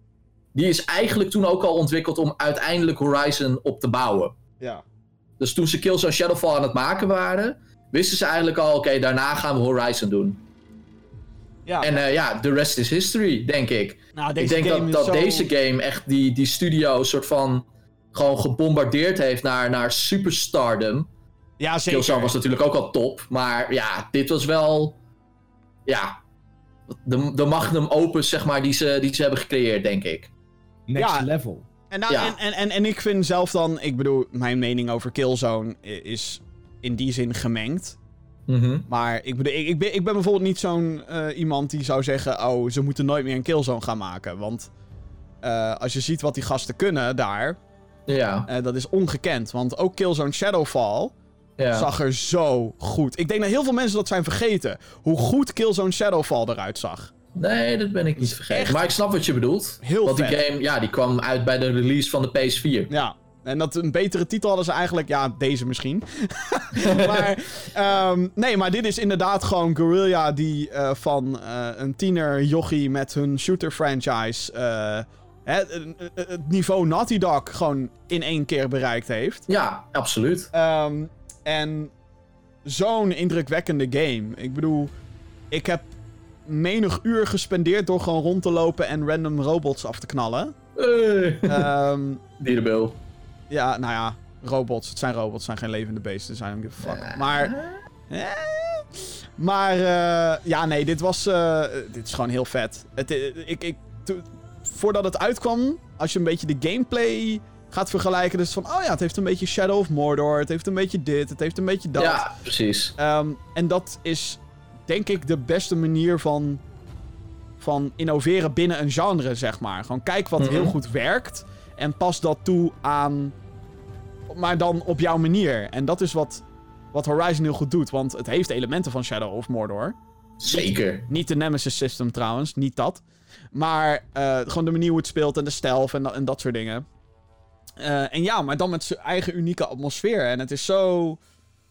Ja, het, het heeft iets unieks, dit spel. Ja, het, het is vooral die, die worldbuilding inderdaad in deze game die het zeg maar, die het zeg maar eh, eh, eh, uiteenzet van andere open world games. Ja, Gewoon met die, met die robots en, en die, die hele history van, van die beschaving. Ja, en dan nogmaals gewoon hoe het eruit ziet ook. Het ziet er echt zo fucking mooi uit.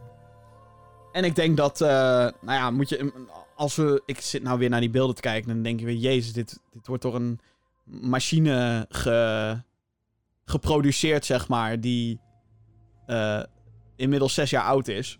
Dat bedoel ik. Eh, moet je nagaan wat ze met Horizon 2, want het, ik denk dat we geen twijfel er meer over hoeven te trekken dat Horizon niet. 2 Die komt. in ontwikkeling is. Maar moet je nagaan wat ze daarmee gaan doen, want dat wordt een PS5-titel. Holy shit. Ja.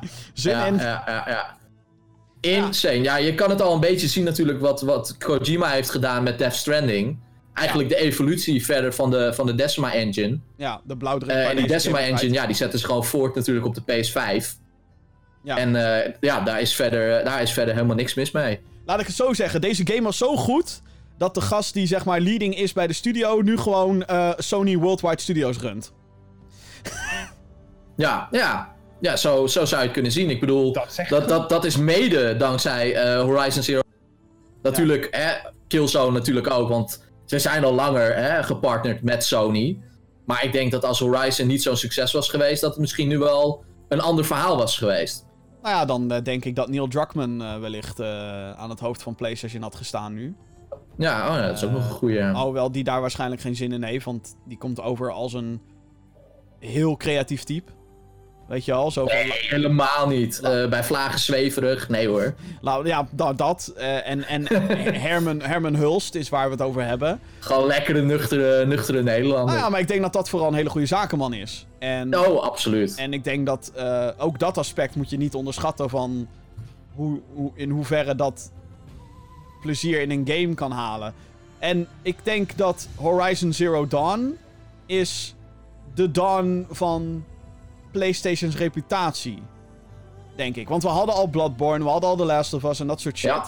Maar ik denk dat Horizon echt zeg maar gewoon heeft gezegd: oké, dit is PlayStation nu. Ja. Dit zijn PlayStation ja, precies. Om gewoon verder te laten zien van... Zo maken wij singleplayer games. Ja, en nu gaan we dit. En we- zien het sindsdien ook. eh, Marvel Spider-Man, God of War, Days, Days Gone, Gone. probeerde natuurlijk. Dat is dan denk ik het zwarte niet, schaap. niet zo'n groot succes geweest. Nou, tussen aanhalingstekens overigens het zwarte schaap. Maar ja, dit is een beetje de PlayStation-formule. Eh, moeten ze dit nou gaan variëren? Natuurlijk. We willen niet, denk ik, de aankomende tien jaar alleen maar Horizons spelen. Maar, Nee, niet alleen maar sequels ook. maar ja, als, eh, als dit het voorlopig is, dan eh, denk ik niet dat dat een straf is of zo. Overigens, mocht je dus geïnteresseerd zijn in hoe deze game tot stand is gekomen... dat, eh, dat kanaal wat jij ooit hebt aangeraden, dat NoClip... dat heeft dus een, eh, een eh, documentaire gemaakt over de tot, totstandkoming van Horizon Zero Dawn. Ja. Super vet. Heel erg vet. Ga dat zien. En de review staat natuurlijk op eh gaminggeeks.nl. Ja, dit is, deze game is zo goed dat dit de reden is waarom Vincent een 4K-TV heeft gekocht. Ook een leuk item inderdaad. Eh, Vincent viert eh, zijn verjaardag bij Guerrilla Games. Oh ja, ja. die- dus- dat, dat zei hij toen ook. Oh ja, trouwens, ik heb PlayStation 4 Pro en een 4K, t- eh, 4K-TV gekocht. Ik zo, waarom? En zijn, hij had drie woorden. Horizon Zero Dawn. Dus dit, Ja. wauw. Gaan we naar de volgende op de lijst. En dat is eentje die ook door meerdere mensen gestemd is. Eh, nummer 8 is Bioshock Infinite. Oké, Infinite. Ja. Ja, ik heb hem niet gespeeld, jongens. Dus ik kan, ik kan eh, er heel kort, kort over zijn. Nou, oké, dan houden we dit lekker kort. Denk ik, of zo. Nee, eh, dit is het derde deel in de first-person shooter trilogie. gemaakt door Irrational Games. Ehm, het derde deel eh, brengt de franchise de lucht in met zijn fictieve stad Columbia. In plaats van onder water, waar de eerste twee games zich afspeelden. Met een beslepend verhaal in een zeer aparte setting. Gecomplementeerd door fantastische voice acting werk van Troy Baker en Courtney Draper. Ehm, ja, het zet een plot neer als geen ander. Voeg daarbij toe het breed gebruik van kleuren en de gebruikelijke gameplay die overgehemeld is van de eerste twee delen. En je hebt een game waar jaren na release nog steeds over gepraat wordt. Het bewijs zit dus in dit lijstje. Ja, ehm, En 4 is aangekondigd. Hey. ja 4 is inmiddels aangekondigd. Ehm, Bioshock Infinite is een beetje, vind ik een apart beestje. Want als mensen zeggen, hey, vind je Bioshock Infinite vet? Ja, ik heb hem ook op, eh, hij staat ook in mijn persoonlijke lijst. Van de beste games van de afgelopen 10 jaar. Ehm, maar als je tegen mij aan mij vraagt wat is de beste Bioshock, dan zeg ik wel meteen dat Infinite het niet is. Ehm, Ja. Want deel 1 is superieur, vind ik, in alle vormen. Maar dat geeft. Dat, dat weerhoudt mij niet, zeg maar, om. Infinite is gewoon een hele goede game. Het, eh, eh, en ook hier is weer het hele punt van verhaal. Is wat de afgelopen 10 jaar gedefinieerd heeft. Dat is wat deze game ook zo ontzettend goed maakt. De gameplay is leuk. Is Bioshock. Weet je al. Het is veel gruwelijker dan eigenlijk het verhaal doet vermoeden. Ehm, en het, eh, het heeft prachtige settings, prachtige graphics, alles. Maar het is die hele dynamiek tussen Troy Baker en Courtney Draper, a.k.a. Booker DeWitt en Elizabeth. Die, Mhm. waar, waar deze game zijn kracht vandaan haalt. En waar je wilt weten wat de fuck er aan de hand is. Op een gegeven moment kom je erachter dat Elizabeth krachten heeft. Zij kan tears brengen in, in realiteit. Waardoor je op een andere tijd, op een andere plek, in een andere dimensie, in een andere tijdlijn terechtkomt. En dan denk je, wat de fuck gebeurt er allemaal? Mindfuck! En dat wil je weten. En ehm, ja, het is, ehm, het is heel indrukwekkend. Eh, ondanks dat het, naar mijn mening, dus niet de beste Bioshock is. Want hey, dat is deel 1. Maar het is wel een hele andere Bioshock game. En ik denk dat dat is wat heel veel mensen hier aan prijzen. Want Bioshock 2 was er ook nog natuurlijk. Mhm. En ik zou met hart op mijn hand. eh, nee, met hand op mijn hart. Durf ik te zeggen dat Bioshock 2. Gelukkig. Ja, eh, durf ik te zeggen dat Bioshock 2 betere gameplay heeft. Mhm. Ik vind Bioshock 2 ook een heel goed spel. Ik, die wordt een beetje. Ja, vind weggezet als het zwarte schaap. Ja, wat ik onzin Omdat het niet door de originele makers is. Ja, nou, exact. Dat is de exacte Boeien. reden. En Infinite is dat dus wel. Ehm, en ja, Infinite is een beetje de, de arthouse film onder de first-person shooters. Eh, het is... ehm, Nou, sterker nog, Infinite is een beetje de Joker onder de first-person shooters. Hè, de Joker heeft niet heel veel actie, maar heeft wel heel veel te vertellen. Ja. En dat is Bioshock Infinite ook. Eh, nou doet de Joker dat relatief gezien beter, vind ik, dan Bioshock Infinite. Maar dat is een hele andere discussie. maar dat neemt niet weg dat dit een heel, heel indrukwekkend spel is. En ook elke keer als ik Bioshock 1 heb weer een keer ga spelen... wat ik eens in de zoveel tijd doe... dan wil ik ook Infinite spelen. ja. Ja. En 2. Doe ik 2 er ook meteen bij. Daar niet van. En dit is denk ja, ik waar... ze gewoon alle drie. Ja, en dit is samen met, met eh, eh, The Last of Us, waar Troy Baker, voice actor, waar hij toch wel zijn credits in heeft verdiend. Ik denk dat sindsdien, sinds de- dit project, heeft hij al het werk wat hij maar kan wensen. Ja. Ja. maar te zeggen, hey guys, ik was, die, ik was Booker in Bioshock Infinite. Oké, aangenomen.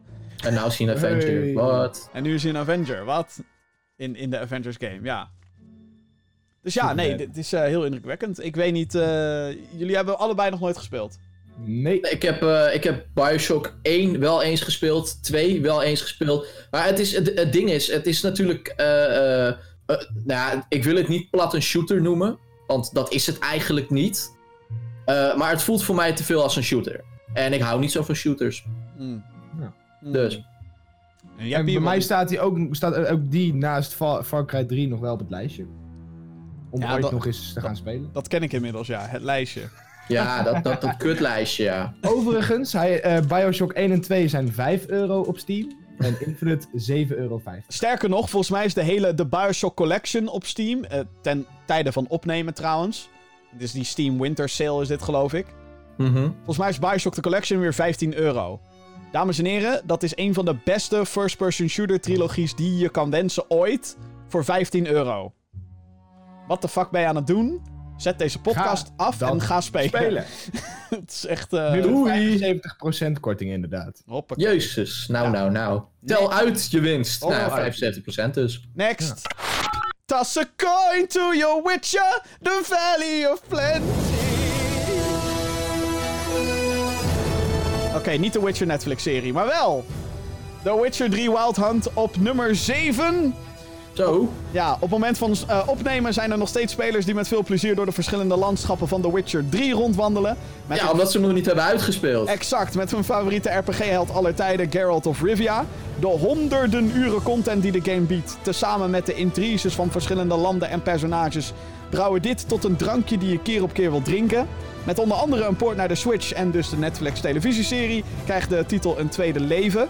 Het is daarnaast ook een technisch pareltje die een wereld laat zien waar menig speler graag nog een paar honderd uur extra in wilt verdwalen. Even vergeet Gwent helemaal, wat er ook nog in zit. Ja, Je kan ook gewoon de hele, de hele tijd gewoon alleen maar kaart, eh, kaartspelletjes spelen.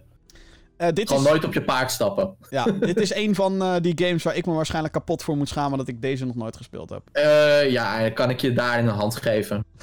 Ik heb hem dus wel eens gespeeld, maar ik vond het dus... Ik vond het vermakelijk, maar ik vond het too much of zo. Ja, het is voor mij ook is- too much. Ik begin niet meer aan dit soort grote games. Dat is hetzelfde als Red Dead Redemption 2. Het is te veel. Het is... Ja, maar dat is ook nog eens cowboy, dus dan, dan haak ik al meteen af. Ja. Maar The Witcher Ik heb het 3 wel geprobeerd overigens, maar The Witcher 3 is wel echt, echt heel tof. ja, die staat wel op mijn lijst van, van zondes. Zoveel en zo lang ook. Ja. Die- eh, Wat je net zegt, honderden uren aan content. Ja, sorry, maar op een gegeven moment haak ik af. Even kijken, How Long to Beat? The Witcher 3 Wild Hunt. Speedrun. Nee, maar dit is, eh, dit is ook weer zo'n game die eh, eigenlijk de reputatie van... Holy fucking shit, oké. Wat, wat is het antwoord? 103 uur. Jezus Christus. Jeetje. Ja, dat, dit, is, dit is gewoon een beetje overwhelming. Ja. Maar goed, dit is dus ook wel weer een van die games die CD Projekt Red die reputatie Yeah. heeft gegeven. Cyberpunk 2077. 2077, ja. Volgend jaar, jongens. Oh my god, oh my god. Ja, maar Game eh, Witcher of the 3. fucking year. Witcher 3, dames en heren, Witcher 3 eerst. Ja. Ehm, Ja. Ja, nee, ik, eh, ik, ik, dit, ondanks dat ik het zelf nog niet gespeeld heb. En dat heeft voor mij ook een reden, want ik ben zo'n idioot. Ik wil eigenlijk eerst Witcher 1 en 2 doen. Voordat ik dan hieraan ga beginnen. Ja, maar Witcher 1 kan je denk ik anno nu echt niet meer spelen. Witcher 2 is ook al, dan moet je ook al wel een beetje met je oogjes knijpen. Wil je daar nog iets moois van maken? Eh, en ja, de- de- de- volgens, mij, volgens mij kun je gewoon Witcher 3 spelen zonder 1 en 2 te hebben gespeeld hoor. Ik denk het ook wel, ja. Maar toch wil ik Ja, dat, dat of kan zo. echt wel, hoor. Want ik dat ben... moet haast wel, want ga me niet vertellen dat al die mensen die de Witcher 3 hebben opgepakt ook allemaal 1 en 2 Nee, hebben nee, nee, gespeeld. nee, Die zeker kenden Die, die delen niet eens man. Zeker niet. Nee, nee, nee. Hou op. Niemand kende The Witcher totdat The Witcher 3 uitkwam. Ja, gechargeerd gezegd Nou natuurlijk. ja, ik bedoel, die, die, die boeken waar de gameserie op is gebaseerd... Mhm. is natuurlijk... eh, eh, had met name in Polen al een hele reputatie en al een fantasy fanbase. Tuurlijk. Ehm, ik bedoel, eh, de- in Polen was er al een televisieserie geweest rondom The Witcher. Nu hebben we natuurlijk ook een Netflix-serie. Ehm, Mhm. Ik denk dat zonder The Witcher 3 was die Netflix-serie er natuurlijk ook nooit geweest. nee, tuurlijk niet. Ehm, Dus ja, ik ben, ik ben inmiddels wel blij dat, ik, dat er dan nu zo'n Netflix-serie is... waardoor ik ook een beetje iets met die in die lore kan komen of zo. Ja, eh, al zij het Ja. natuurlijk op een hele andere manier... omdat het... Hè, die dingen zijn gewoon niet gelijk aan elkaar. Maar het is natuurlijk precies. wel overduidelijk dat Henry Cavill, die Geralt speelt in de serie, dat hij heel erg in. Sterker nog, hij is fan van de games ook. En van Ja. de boeken. Dus hij is echt de man die dit moest spelen. En hij doet het briljant ook. Maar Hmm. eh, ja, dit, eh, dit verbaast me niks. Dit is eh, een van die games die op elk van dit soort lijstjes staat. Natuurlijk, en terecht. Ja. Ja. zeker. Dus ja, dit, eh, dit, dit moet er eentje worden die we, Allemaal nog een keer gaan spelen. die we allemaal nog een keer gaan spelen. Dus als we ineens 100 uur eh, vermist Straks in zijn. het bejaardentehuis. Jongens, zullen we de Witcher 3 Ja, gaan nou, opstarten? Wist Nee, je maar je, je, je maakt zo'n grap. Maar dat, dat zal het wel zijn. Gewoon als je dan een keer een soort van onverhoopt je poten breekt of zo. Dat je denkt van... Oké, weet je, ik kan, ik kan niks meer doen. ik moet met mijn been omhoog liggen. Laat ik dan maar The Witcher 3 aanzetten. Ja. Zo'n game is het voor mij. Het is gewoon, het is te veel. Ja. Ja. het is wel heel veel, ja. Ik kreeg overigens nog een, eh, of een, eh, nog, een, nog een mailtje. Oh. Eh, Oh. Nou ja, naar aanleiding van de podcast van vorige week. Waarin we het natuurlijk hebben gehad over The Witcher televisieserie. Ja. Die ik inmiddels heb afgekeken trouwens. Ik nog niet. Oh, oké. Nog steeds niet. Spoilers. Spoilers? Nee, nee, nee. Ik zit you te kijken, sorry. Nee, nee, ik ga geen eh, spoilers geven. Maar eh, even kijken, een beeldje van Paul. Beste Jim, ga je in vakantie lekker The Witcher 3 spelen? Je krijgt er geen spijt van. En ga daarna pas verder met de serie, eh, zal ik zeggen. Dan ken je in ieder geval de personages ook goed. Groetjes van Paul. Dit vind ik dus een heel slecht excuus. Van ja, je moet eerst dit doen voordat, voordat dit andere begrijpbaar wordt. Nee. Dan Nee, want dat zou betekenen dat de makers van de serie zeg maar een bad job hebben gedaan, toch? Ja. Ja. Ja, nee. Ik bedoel, het is gemaakt voor Netflix. Hoeveel abonnees heeft Netflix? Hou op, man. 105? Geen idee, heel veel. Ja, en die hebben allemaal The Witcher 3 Wild Hunt gespeeld. Eh, nee. Nee. Nee.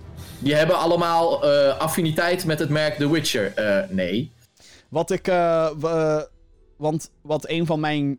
Oké, er zijn voor mij twee grote kritiekpunten op de. Drie. Grote kritiekpunten op de serie. En Zonder spoilers, hè? Zonder zon- spoilers. zonder spoilers dit. En Houd het eentje, kort. en eentje daarvan is dat het. Fuck you. En eentje daarvan. je maakt het zelf nu langer, hè, op deze manier. En eentje daarvan is dat ik de context mis van de wereld. En dit is iets waar wat Game of Thrones heel goed deed. Door aan het begin van elke fucking episode, namelijk de opening titel van Game of Thrones, was die landkaart. Ja, En dat klinkt super triviaal dit, maar daardoor heb je zo'n goed idee in Game of Thrones waar alles ligt. Oh ja, King's Landing ligt hier, Winterfell ligt daar, dat is vlak de- bij de muur. En boven die muur is het fucking ijskoud, daar zullen de, de, de Nightwalkers wel zitten. Oh hé, hey, dat is zo. Hè. En je, dan dat is die leader van 20 minuten, toch? Nee, het is één minuut. Maar The Witcher doet dat nooit eigenlijk, de, de serie. Het zet nooit neer, yo, dit is waar Sintra zit, dit is waar Nilfgaard zit en dit is waar dit personage zich nu bevindt. Waardoor je eigenlijk geen idee hebt waar iedereen nou is, eigenlijk. Ja, bij wijze van is het inderdaad om de hoek. Ik heb dat ook. En ik heb echt nog maar drie afleveringen gezien, maar ik snap precies wat je bedoelt. Dus dat, Ik heb dat ook. ik vind dat de serie geen bad guy heeft, of in ieder geval de, het perspectief van een bad guy. Wederom, Game of Thrones als voorbeeld, Tywin Lannister. Perfect. Weet je wel, een bad guy, een gast die duidelijk aan de andere kant staat van degene waarvoor je root. Nou, dat mist in The Witcher. Eh, en sommige CG-effecten zijn fucking cheap. Maar verder dan dat vind ik het heel leuk. Oké, Dus, dat. Nou, ik eh, eh, ga het nog afkijken. ja, gaan we verder met een game slash. Inmiddels Ja. hebben we het weer over Maar even vergeten dat we het over games hadden. Oh! Witcher 3 op nummer 7 gaan we door naar eh, de nummer 6. Je verwacht het niet. En ehm, nou, dit is ook een titel die op heel veel lijstjes komt te staan. Grand Theft Auto 5. Deze Die hebben wij ook alle drie op gestemd, geloof ik. Eh, ja, de, eh, ja, Jesper, Johan en Jim. Ja, ja. Ja. En terecht. En En, voor terecht. mij eigenlijk nog meer het online gedeelte, maar ook, Nee, ook gewoon de man. remote. Nee. Nou, wacht gewoon- even. Je zou eh, kunnen zeggen dat de 3D open... Ja, ik moet mijn praatje even doen. Je zou kunnen Oh, zeggen dat, sorry. dat de 3D open world praktisch is uitgevonden door Grand Theft Auto 3. Grand Theft Auto 5 bracht hiervan de volgende stap. De singleplayer campagne biedt drie hoofdpersonages waar je tussen wisselt. Deze worden vrijgelaten in een gigantische versie van Los Santos... met een variatie aan landschappen, dorpjes en daarbij behorende activiteiten. Uiteraard kan je als speler ook weer de chaos veroorzaken waar de serie om bekend staat. Grand Theft Auto Online bracht de game naar een compleet nieuw niveau... met mogelijkheden tot simpele deathmatch potjes tot verhalende heists... waarin spelers opgesplitst werden om verschillende taken te voltooien. Of je nu samen over een militair hek probeert te vliegen... elkaars huisje gaat bezoeken of een lapdance krijgt in de club... in Grand Theft Auto 5 kan het. Met als gevolg de op drie na best verkochte game ooit. Damn. Ja. Game uit 2013, hè, dit. Jesus. Vol, vol. Ja, maar wat ze ook heel slim hebben gedaan. Ik heb namelijk zelf in dit huis ook vier versies van GTA 5 liggen. Namelijk PS3, die had ik van origi- origine gekocht. Eh, een Xbox 360 versie die ik later van iemand gewoon heb gekregen met een Xbox. Yay, dank je. Eh, de PS4 versie. En daarna, een jaar later, volgde de PC, PC-versie. ja. Dus de, de- nou ja, op die manier... Maar ja, Ja. dit is... eh, als je zegt open world game, zeg je GTA. Zeg Ja, je ook eigenlijk. GTA 5. Ja. En het is heel grappig, want eh, Jesper schreeuwt meteen online. Johan schreeuwt Nee, meteen... nee, nee, nee, nee. Hij schreeuwt Oh, online. sorry. Johan schreeuwt online. Jesper schreeuwt single player. En ik zit een beetje in het midden. Singleplayer. Ik vind ze allebei tof. Singleplayer.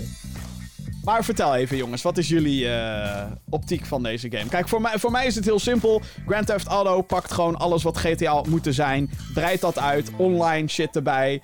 Ehm, wat heel leuk is als je daarvoor in de stemming bent. Ik vind het in GTA... Ik heb nog nooit zo hard gelachen in een game als in GTA 5. Eens. Hoeveel, ik, hoeveel schaterlachen naar ademhappende buien ik daar wel niet heb gehad... is ongelooflijk. We- Ik weet nog dat wij in het begin hebben we dit ook nog wel eens gelivestreamd. eh. Ja joh, dat, dat was het militaire hek waar ik het over had. Dat Ja, jezus man. auto's allemaal. Van die berg af. Stonden we met z'n allen op een rij op een berg. Ja, jongens, we gaan een straaljager jatten uit, een- uit een militaire basis. Waarom? Omdat het kan. Fuck it, het is Omdat het kan. Ja. En met z'n allen, oké jongens, 3, 2, 1. En met z'n allen over dat hek heen. Natuurlijk wat slachtoffers her en der. Ja, sommigen die het niet halen. Kwam op een gegeven moment iemand ook met een Tank fucking... doodgeschoten. Kwam Oh my god, iemand met complete mayhem. Kwam er ook iemand met een fucking bulldozer die probeerde over dat hek heen te springen. Ja, dat is... Ja, Dat kan alleen in GTA 5. Ja, Kom ja. op. Maar daarnaast is er ook nog die vette singleplayer campaign. Ja, inderdaad. dat is waar. Dat is zeker waar. Ja. Nou ja, ik ben dus heel erg fan van die singleplayer juist. Want ik vond het zo... Het was eigenlijk een beetje de eerste eh singleplayer game die ik echt heb uitgespeeld, denk ik. Oh, dus je hebt er speciale gevoelens bij. van... Dit verhaal is zo vet. En ook vooral dat je dus... Hè, een beetje dat butterfly effect wat er ook in zat. Je keuzes, die, die eh, be- bepalen uiteindelijk het einde. Dat- Ik vond dat zo vet. En ook vooral dat switchen tussen die drie characters die echt totaal verschillend van elkaar waren. Ja, polar opposites inderdaad. Ja, echt. Ik vond het zo gaaf. En waar het voor mij dat dan boven de online staat, is omdat online. eh, ja, je hebt geld nodig om dingen te, te kunnen doen.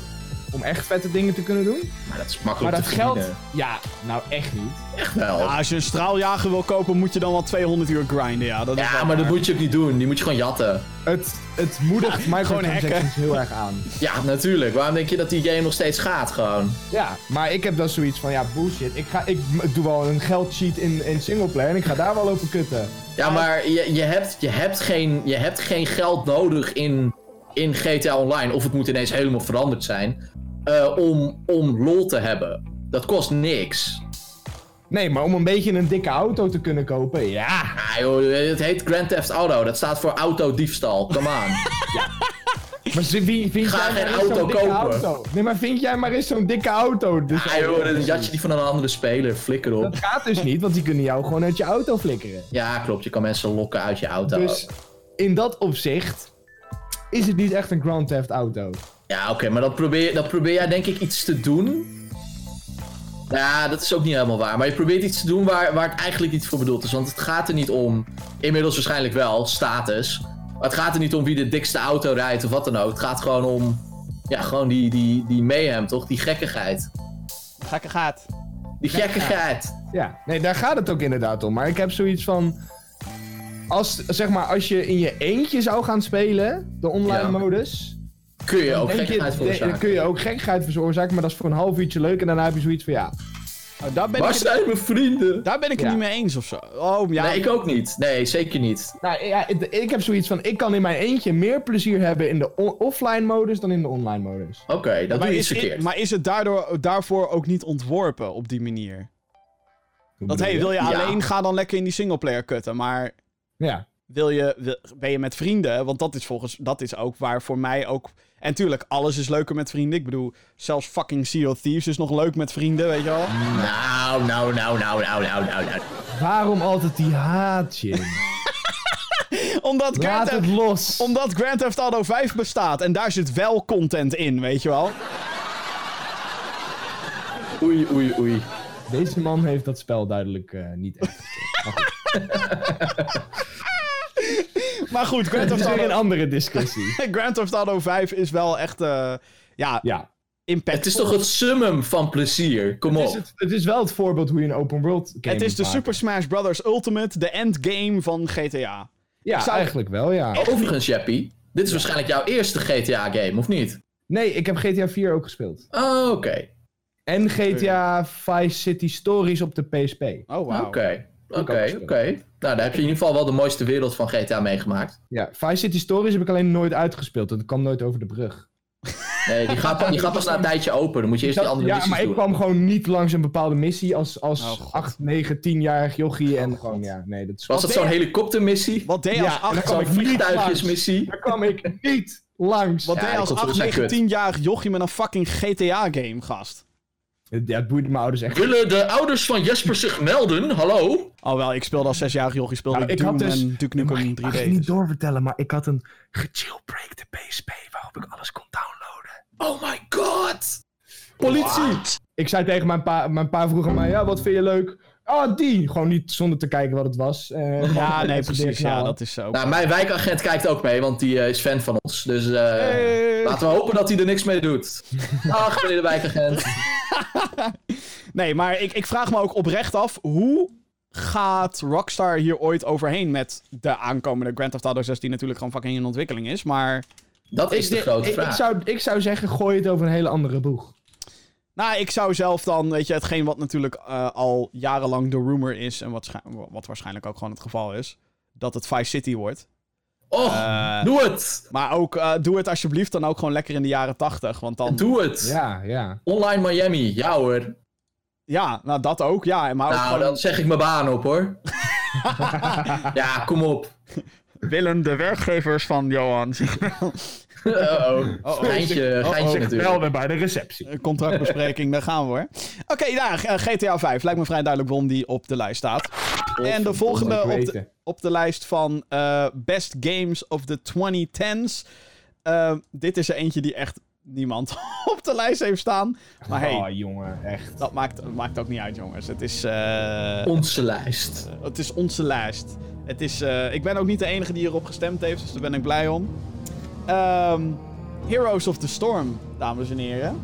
Hier had Overwatch moeten staan. Flikker toch op met jou. Hier had Hier had Overwatch moeten Overwatch. staan. Oh, hij heeft hem toch nog. Hij heeft hem toch nog. Hij heeft het ook gewoon voor elkaar gekregen om hem op nummer 5 te krijgen. Hoezo ik? Ik ben niet de enige die dit voor elkaar Nee, gekregen ja, met Maar ja, ja, jullie hebben hem heel hoog gezet. Jezus. Heroes of the Storm, dames en heren, ontwikkeld door Blizzard. Entertainment. Het MOBA-genre was een gigantische rage in de 2010s. En het is geen verrassing dat eh, Blizzard, je weet wel, dat hele grote bedrijf, eh, dat Blizzard Entertainment daar een stuk van mee wilde pakken. Na een lange ontwikkeling en geruzie om de naam kwam in 2015 dan Heroes of the Storm officieel uit. Een MOBA die bekende personages uit Warcraft, Starcraft, Diablo en uiteindelijk ook Overwatch in één arena gooide om de basis van de vijand kapot te maken. 5 tegen 5, multiplayer, MOBA, eh, zoals Dota en League of Legends en zo. Daar waar andere games eh, het individu voorop zetten, weet Heroes of the Storm eh, vanaf het eerste moment teamwork voorop te zetten. Daarbij gaan de personages verder dan menig game met characters die bijvoorbeeld door twee mensen bestuurd moet worden. Of één speler die drie kleinere personages beheert. De Lost Viking Maar bijvoorbeeld. daarom heet het ook Heroes of the Storm en niet Hero of the Storm. Ja, maar dat, ja, ik vind Heroes of the Storm eigenlijk een hele slechte naam, persoonlijk. Maar goed, ja, Blizzard had geen keus. Het moest eerst Blizzard Dota worden en toen kwam Valve met... Ja, maar wij hebben die Dota-naam overgekocht. Oh ja, kut. Oh, wanneer dan? Oh ja, kak. Ja, oh, ik zie het nu in de papieren staan. Ja, ja en, en, en wanneer, wanneer mensen dan roepen... Ja, maar Blizzard heeft het gejat van League en van Dota... dan zeg ik nee! Want dat hele MOBA-gedoe is eh, verzonnen... Ontstaan. ontstaan in Warcraft 3. Ja. Dus ja, fuck jullie. Nou ja, Nu jij weer. Lekker puh. Nou ja, Dus. ik vind, eh, ja, ik, eh, ik vind Heroes of the Storm fantastisch. Eh, dit is voor mij de MOBA. Dus, hè? De acte. De, de, voor mij de acte, ja. En dat komt mede door de elementen die ik heb beschreven al eigenlijk. Het, het is helemaal niet... Het, heeft geen, het is eigenlijk een beetje de Mario Kart onder de MOBA's. Het heeft geen items, het heeft geen fucking killstreak, geen gold. Ehm, maar in plaats daarvan heb je characters. En Nou eh, ja, level je niet als character, maar level je als team. als Ehm, Heroes. ja, nou ja, niet als heroes, storm. maar als team level je, letterlijk. Dus.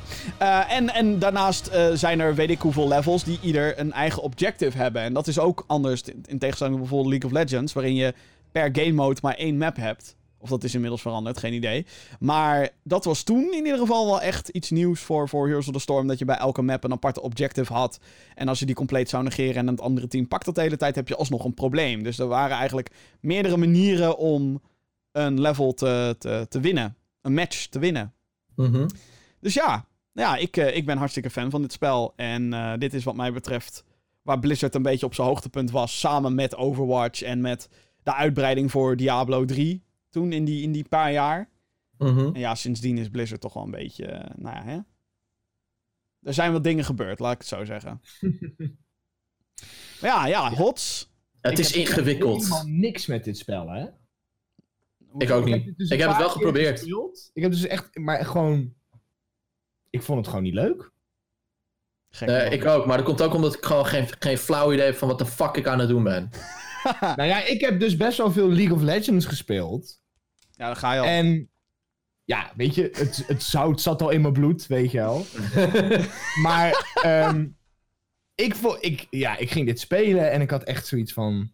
Wat de fuck is het is dit? veel te langzaam of zo. Waar heb je het Ik in het te godsnaam over? langzaam. Waar heb je het in godsnaam over? Te langzaam, oké. Ja, ik vond het echt... De gameplay was te langzaam voor mij. Oké, ik heb geen Dat, denk dat, dat is, ik het dat is wel- die generatie Z, hè? Dat, is die, ik, denk eh, dat het- ik denk dat ik het op die manier het beste uit kan drukken. Het ging te langzaam. dat zijn die mensen die ook zeg maar boos worden als ze nog in de rij moeten staan bij de supermarkt. Ja, ja. Kan ik niet, kan ik niet met mijn pols betalen Inderdaad. dan? Hallo? Inderdaad. Ja, wie gaat er nou fucking in de rij staan voor, de, voor een fucking pakje, pakje Oh, ijsthee of zo, weet ik het? Pakje boter? Precies. Kun je het gewoon stelen? Ja, je gewoon in je zak touwen en je bent weg. Hoef je niet voor in de rij te staan. wijkagent. Nee, ehm Nee, hij Nee. kijkt niet meer. Hij appt me net. oh, hij, Hij is onderweg. hij heeft hem afgezet. Eh, ik heb echt zoiets van Heroes of the Storm. Het heeft mij nooit gegrepen. Eh, ik vond League of Legends vond ik vermakelijk voor een tijdje, maar Game of the Decade, nee. Dit Game of the Decade, nee. Sorry. Ik, eh, ik heb het een keer geprobeerd met Kalman en, en Jim. Het was, was wel leuk. Maar eh, ja, nee, het is niet, eh, het is niet mijn eh, cup of tea. nee, je moet er wel van houden natuurlijk. Ja, Maar ik heb sowieso niks met Blizzard, hè. laten we dat voorop stellen. ook niks. dat, ja, dat Ja. is ook alweer een ding, ja. Nou ja, ik had hem best wel hoog op mijn lijst staan en eh, inderdaad... Dat zie ik. Hem bijvoorbeeld ook, dus... eh, ja, dat soort, dat, dan heb je dit als gevolg, ja. Voor de business, hè. Gaan we naar de volgende. Eh, God, het begint nu wel Ook weer geen verrassing. Het begint wel heel erg op een, eh, op een soort gymlijst te... Gym. Oh, nou, het gaat toch koffie zetten. Jim heeft zichzelf dubbele punten. Nee, helemaal niet. Nee, absoluut niet. Nee, nee, nee. nee. Hashtag rigged. 100, 100% niet, maar... De- eh, deze komt ook door Finn. ja, ja. zeker. Ja, Vincent Die, heeft... staat, die, heeft, die heeft die heel hoog geplaatst. Zeker. Eh, nummer 4. In the Games of the Decade. De 2010s, het decennium, bla bla bla. Life is Strange. Ik heb het nog nooit gehad over Life is Strange in deze podcast. Nee, vertel nog één keer. Wat is Life is Strange? Wat, wat is dat? Huh? Life is Strange? Als Nooit donderslag bij heldere hemel kwam de Franse ontwikkelaar Don't Not met een impactvol verhaal over een jonge vrouw Max die de mogelijkheid ontdekte tijd te kunnen manipuleren. Life is Strange zet neer dat gameplay en graphics niet per se op de eerste plaats hoeven te staan als het gaat om een goede game. Alhoewel deze aspecten zeker aanwezig zijn, is het plot die hier gamers in zijn grip nam. De soundtrack past perfect bij de plot twists die op je afkomen, als mede de fantastische voice-over rollen van een uitgebreide cast aan geweldige personages. Zeg maar, ehm, als ik het kort moet samenvatten, je had Telltale. ja. Wel, Telltale Games met hun Walking Dead en dat soort dingen. En Life is Strange kwam daar eigenlijk soort van onverwachts van... hey, oh, dat gaan wij ook doen. Maar anders. Maar anders en veel meer... Ja, en dan heb ik het al over tijd manipuleren en zo. Maar veel realistischer. op een bepaalde manier. Maar veel meer op een manier dat je je kan identificeren met deze personages. En Ja, meer thematisch meer- bedoel je ja, toch? Veel meer dichter bij jezelf of zo. Ja. En dat zeg ik terwijl deze game gaat over twee jonge tienervrouwen. Maar op de een of andere manier voelde ik me meteen betrokken bij Ja, deze... maar dat komt omdat jij zelf ook een tiener bent geweest. Je hebt nog nooit zelf in een zombie-apocalypse gezeten of zo. Nee, nee, dat klopt. Of eh, Snap je? Eh, er is ook geen Wolf Among Us. En ik ben ook geen Nee. Batman. Of ik ben ook geen whatever. Nee, Nee, maar de... ehm, en heel veel mensen willen vaak het script van, van deze game. En inderdaad, sommige voice lines zijn ook een beetje dat je denkt... niet- geen normaal persoon zou dat zo zeggen. Maar dat krijg je ook een beetje als Franse mensen Amerikanen gaan schrijven. Alhoewel er Eh. wel een Amerikaanse schrijver bij betrokken is bij dit project. Maar goed, alsnog, weet je al Gelukkig. dat soort, eh, dat soort vertaalfoutjes komen nou eenmaal eh, voor. Maar nee, ehm, ja, vanuit mijn perspectief, ik speelde dit voor het eerst vorig jaar. In een week, eh, nou eigenlijk deze week. De laatste week van december dacht ik, goh, ik heb Life niks te doen. Eh, zal ik gewoon eens, Vincent was me al jaren aan het stalken over uh, Life is Strange is zo goed, blablabla. En ik zei, Stond ja, u weer s'nachts voor je raam. Life is strange! Ja. En ik dacht, Ja, ja, inderdaad. Ga eens weg bij mijn raam. Ja, dat. En toen dacht ik, nou, toch maar even eh, een keertje spelen. En vervolgens, ik denk, ik, nog steeds dagelijks zit het in mijn hoofd, Life is Strange. En de characters en wat er met ze gebeurt. En eh, wat er anders had kunnen zijn als ik anders had gekozen. Of als Max anders had gekozen. En natuurlijk weet ik inmiddels wel wat alle andere mogelijkheden zijn en zo. Maar ehm, op de een of andere manier raakte de- deze game mij. En ik denk Vincent, eh, ja, het raakte me gewoon heel erg op een eh, hele, heel emotioneel niveau. Of zo. Heb je gehuild? Nee, dat net niet. Maar. Oké. ehm, en het was Hij ook. zat wel te snikken. Het was wel. Maar het was echt achteraf dat ik dacht. Holy fuck. Het zette je aan het denken. Het zette me echt heel erg aan het denken. Ik ben echt heel. Nou, ik wil niet zeggen. Deze game heeft mijn leven veranderd. Maar ik ben wel veel dieper na gaan denken over bepaalde aspecten van het leven. En eigenlijk is het Anders gaan kijken naar. Ja, en het is serieus sinds Life is Strange dat ik me oud voel. Dus nu is het bij jou, life is normal. Eh, nee. Waar is mijn lachbandje? Nee. Nou, omdat hij niet grappig was. Maar ehm, Nou, was ik zit hier in een diep emotioneel verhaal, oké? Sorry. Ik ben hier aan het uitleggen hoe mooi games kunnen zijn. En waarom dit zo hoog staat op een games van de afgelopen tien jaar lijstje. Althans, vanuit mijn perspectief. Ehm, ja, nee, maar dit- dit- dit- je moet het ook... Ik kan het ook niet uitleggen. Je moet het spelen. Je moet het spelen en dan eigenlijk soort van hopen dat dat ook bij jou terecht komt, die impact. En bij mij kwam dat echt achteraf. Eh, en er zijn bepaalde episodes, want het is zo'n episodische game, ehm, die echt gewoon, waardoor ik gewoon echt met open mond zat van, holy fuck, wat nu? Terwijl, het, het, het is niet, de wereld gaat niet naar de kloten. Het is niet, eh, demonen komen uit de... Nee, helemaal niet. Het, gaat over die characters. Het is kleinschalig. En het, Ja het, is, ja, het is gewoon een heel intiem verhaal. ja, Ja. en het is juist dat hele intieme. En de prequel raad ik ook van harte trouwens aan, Before the Storm. Die moet je wel spelen nadat je dit hebt gespeeld. Want dat, zo is het ook geschreven en gemaakt en zo. Maar het is zo... Ja, goed. En het, dit is zo'n game waarvan ik wil of zou willen dat er een manier bestaat dat je mijn geheugen kan wissen. Zodat ik dit opnieuw kan meemaken op de manier hoe ik het toen meemaakte. Een jaar geleden Ja. inmiddels. Ja, deze, deze game staat bij mij ook op het lijstje van zondes. Ja. Samen met The Witcher 3. Eh, ja, moet ik absoluut nog een keer gaan spelen. Ik heb ooit één episode gedaan en toen dacht ik wel, oké. En toen ben ik om een of andere reden die ik niet eens meer weet, ben ik nooit verder gegaan. Ja. Maar het was niet omdat ik het niet tof vond.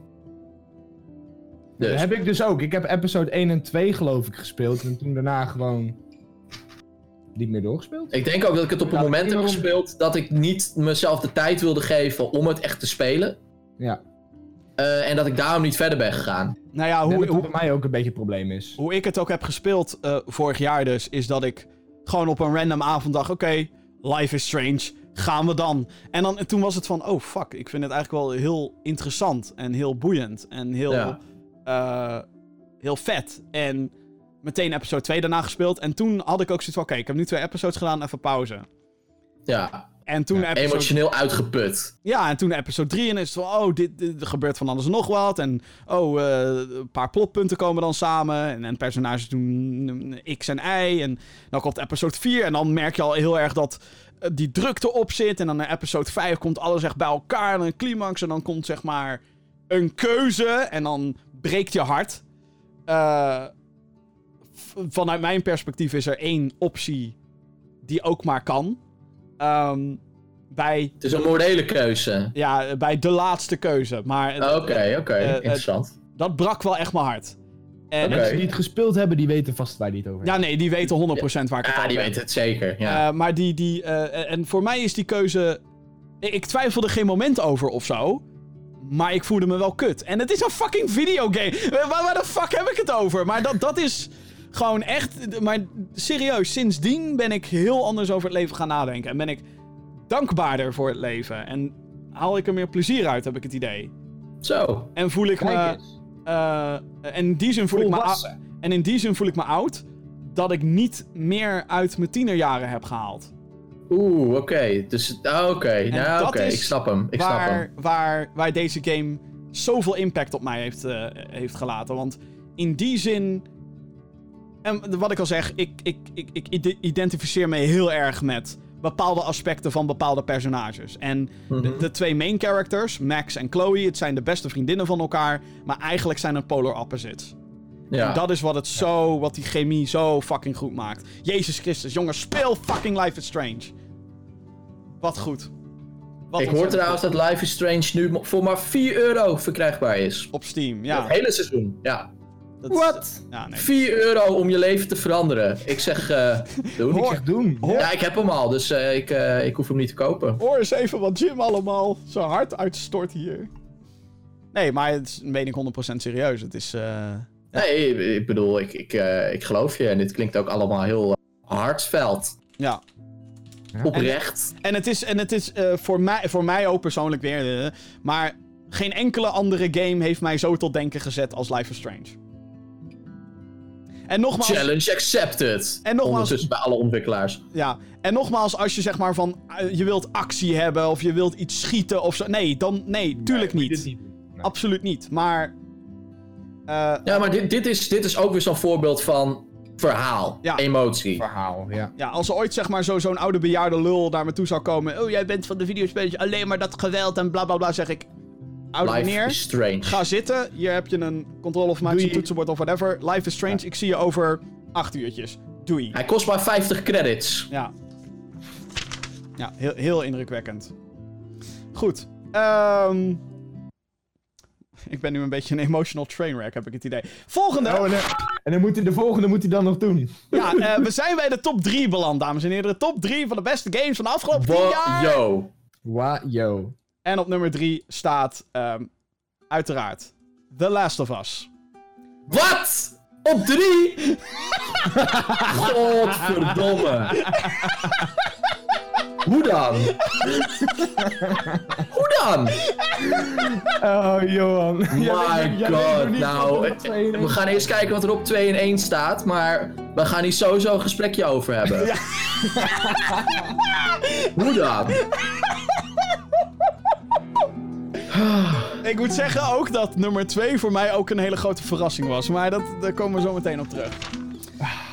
Oh, ik ga genieten zo meteen. Oh, My god. De reacties worden... Hij wil niet weten wat er op nummer 2 staat. Maar ik Oh snap, my ik, ik God. snap zijn woede wel hoor, in, in, in enige zin. Want ik was hier ook best wel verbaasd over eigenlijk. Maar goed, wat eh, The Walking Dead deed voor post-apocalyptische werelden voor televisie, dat deed The Last of Us voor het zombie-genre in gaming. We waren er een beetje klaar mee en toen, oh nee, toch niet.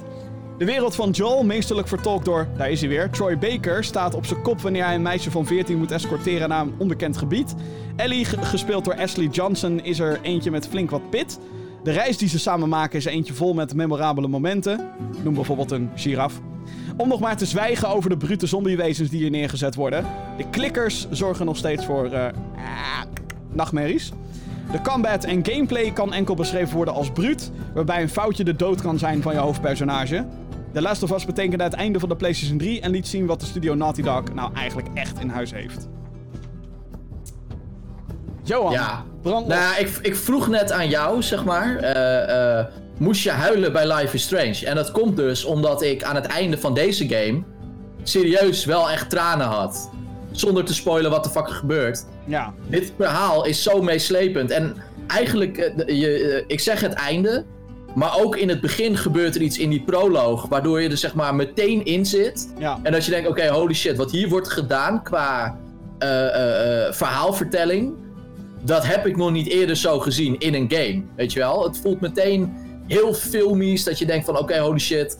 Er zijn echt mensen geweest die, die gewoon aan een schrijverstafel zijn gaan zitten. En hebben gezegd van, oké, hoe gaan we dit verhaal zeg maar met de meeste impact zeg maar vertellen. En het eh, de verhoudingen tussen eh, Joel en, en, eh, eh, eh, en Ellie.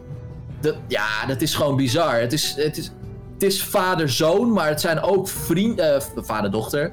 Eh, maar het zijn ook vrienden en, en die, die wereld. Ja, het is gewoon allemaal eh, heel penibel. Eh, je, je bent aan het overleven, weet je. De wereld is gewoon aan de kloten. En ook de keuzes die je daar af en toe moet maken, die Ellie moet maken als eigenlijk veel te jong meisje. Want zij, ja, ik bedoel, zij kan niet normaal opgroeien, weet je wel. Het is gewoon zo meeslepend. Ja, insane. Echt Ja. insane. Ja, nee, dit is een. eh, dit is. eh, hè, we hadden het eerder al over Guerrilla en hun status. Nou, dit is wat. Ik bedoel, Uncharted zorgde eigenlijk al voor een, een sterrenstatus bij, eh, bij, bij, bij Naughty Dog. Tuurlijk. Maar het is The Last of Us, denk ik, die vervolgens zei: hey, jij dacht dat je het best al had gezien, bitch. No Ja, way. jij dacht dat we alleen maar leuke, jolige characters kunnen maken met een soort van Indiana Jones-achtige vibe. Nee, ja. we kunnen ook gewoon emotionele verhalen vertellen. En op een manier die je nog niet eerder hebt gezien. En ja, fuck ja, dat is gelukt. Holy shit. Wat ik misschien nog wel het meest indrukwekkende van deze game vind, is niet alleen maar het schrijfwerk en de- het voice acting werk. ehm, maar eigenlijk. Overleven? Ja, al- ja, maar echt. Alle, dit is weer zo'n game waarbij. Ik bedoel, tuurlijk, sommige mensen vinden het ene meer impactvol dan het ander. En het verhaal is denk ik wat de mensen het meeste bijblijft. Mhm. Maar ik denk dat als je het eenmaal weer een keer gaat spelen. dat echt alles gewoon heel vet is in dit spel. Oh, absoluut. Ik vind het ook cool dat je zeg maar. eh, je wordt zeg maar ook uitgedaagd om zeg maar niet de confrontatie aan te gaan met bepaalde. Bijvoorbeeld die klikkers. Ja, die kun je maar beter ontwijken. Daar kun je maar beter omheen lopen. Ik weet nog dat ik in het begin van het spel vast zat. Omdat ik zeg maar zo in mijn hoofd zat met van oké, een enemy moet je vermoorden. Die moet dood. Anders kun je niet verder. En eh, het duurde heel lang voordat ik erachter kwam dat ik er eigenlijk gewoon langs moest sneaken. Om zeg maar verder te komen. En, en dat laat gewoon zeg maar ook zien wat zeg maar de dreiging is van, van, ja, van de, de, de, ja, de enemies die ze zeg maar neerzetten in, eh, in deze game. Ja. Ja, nee, het, het, het- en het zijn ook eh, aparte... Ik bedoel, ze gedragen zich gewoon als zombies, don't get me wrong. Maar dat hele schimmelachtige idee van die beesten, dat vind ik Heel vet. vet. Ja. Echt heel vet. Uiteraard heeft deze game een, eh, niet lang na zijn oorspronkelijk, eh, oorspronkelijke release een tweede versie gekregen. De laatste was remastered op PS4. Dat is de... 1499. Ja, dat is degene die ik ga spelen wanneer 2020 er is. Want hey, Last of Us Part 2 komt eraan. Ehm, ja, wat, moeten we nog meer zeggen over deze game, joh? Behalve dat het gewoon een, een meesterwerk is die... Wat eigenlijk een van de redenen zou moeten zijn om een PS4 in huis te halen. Ondanks dat het een PS3-game is. Ja, nou ja, eh, inderdaad. Ik bedoel, eh, speel het. Speel het. Het is echt... Ja, ik had zoiets nog nooit eerder gespeeld. Heel eerlijk. En ik heb, ik heb best wel wat games gespeeld. Best wel wat. Maar gewoon de manier waarop dit, waarop dit is gedaan. En weet je, ook gewoon... Moet je ook kudos natuurlijk naar de, de, de eh, performance artists die dit natuurlijk hebben gedaan. Troy Baker en eh, Ashley Johnson. Ja. Bizar. Echt Ja. bizar. Mijn Jeffy, vraag? je mist wat. Wanneer komt dit naar PC? Nooit. Niet, nooit. Godverdomme. Nou ja, door middel... eh, nou, nou, in Nou ja, je kan het misschien spelen met PlayStation Now. PlayStation Now op PC. Dat kan Mhm. wel, geloof ik. Zit hij daarin? Ja, volgens mij wel. Ho, ho, ho, ho, ho. Sluit die podcast maar af. Ja, ben je, ben je overtuigd, jongen? Pak nummer 2 in 1. Ja, ja, ik ben al heel lang overtuigd, maar ik kan het gewoon niet één. spelen. Oké, nou ga, ga ervoor. Ik ga ervoor. Zometeen als we klaar zijn. Ho, ho. Ja, nee, ik, eh, ik vind The Last of Us was ook een game waar je eh, eh, met, met hand voor je mond zo zit van... Did that just really fucking happen? Holy f... Je gewoon echt eh, heel erg vet.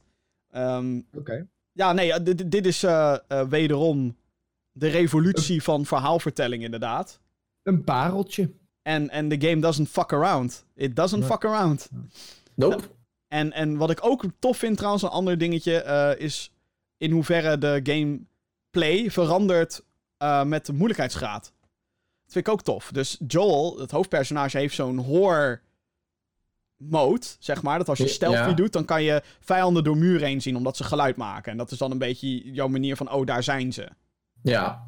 Wat, wat ik een tof systeem vind. En dan Mhm. denk je misschien, ja, maar dat is onrealistisch, bla bla bla. En op de hogere moeilijkheidsgraden kan je die beesten dus niet meer zien door muren, bijvoorbeeld. Oh, holy shit. Oké. Maar ja, dat ga ik mezelf niet aandoen, anders kom ik nooit door dat spel heen. maar nee, ja, dat The Last of Us. Eh, sowieso weer nog een keertje spelen als hij, eh, als hij eh, eh, voordat deel 2 uit is. Althans, dat zou ik aanraden. Dat ga ik, ik ga dat sowieso wel doen. Ja, ik heb de Last of Us Remastered hier ook liggen. Dus uh, ja. trouwens, ik, uh, volgens mij heb ik hem laatst ook met PS Plus of zo gekregen. Dus. Klopt, ook. Ja, is ook gebeurd. Kan ik hem in de verpakking laten? Yay. Doorverkopen. Gaan we naar nummer 2. Oké, okay, oh, oh, oh, stop, stop.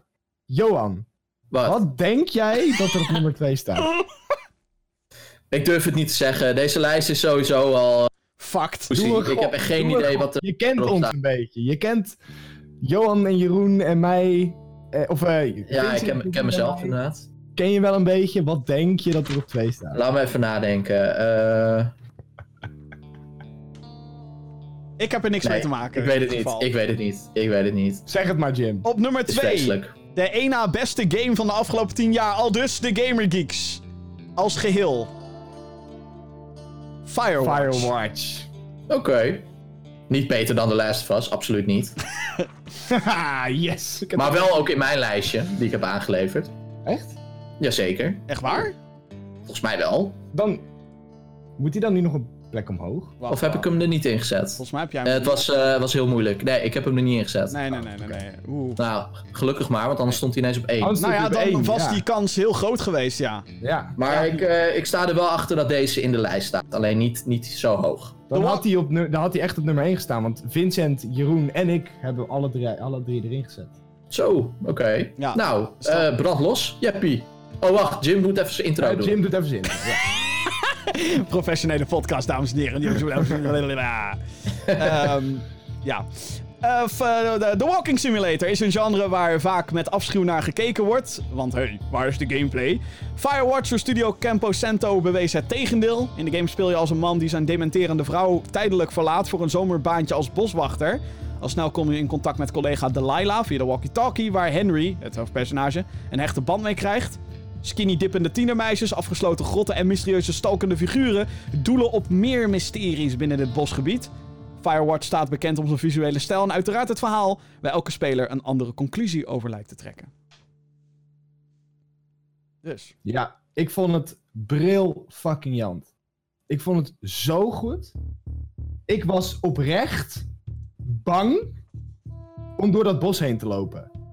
Hmm. Ik was oprecht, ik durfde gewoon niet. Omdat het zo spannend was. Zo ontzettend goed geschreven. Voor duidelijkheid, het is geen horror game. Nee, het is nee, nee, nee, maar ja, als dit zijn ervaring. Ja, het is absoluut. ik zit er ook naar te luisteren, ik denk, huh? Maar wat jij inderdaad zegt, mysterieus stalkende figuren binnen dat bos. Ik was oprecht bang. Ik durfde gewoon echt niet. Ik was gewoon bang om het einde te gaan spelen. Voor, uh, voor, voor uh, onderzoek naar deze show heb ik dus Firewatch deze week gespeeld. Ja, jij uh, hebt hem echt heel vers in het geheugen. Ja, ja heel vers. Um, want ik, ik, ik bedoel, dit lijstje kwam eruit.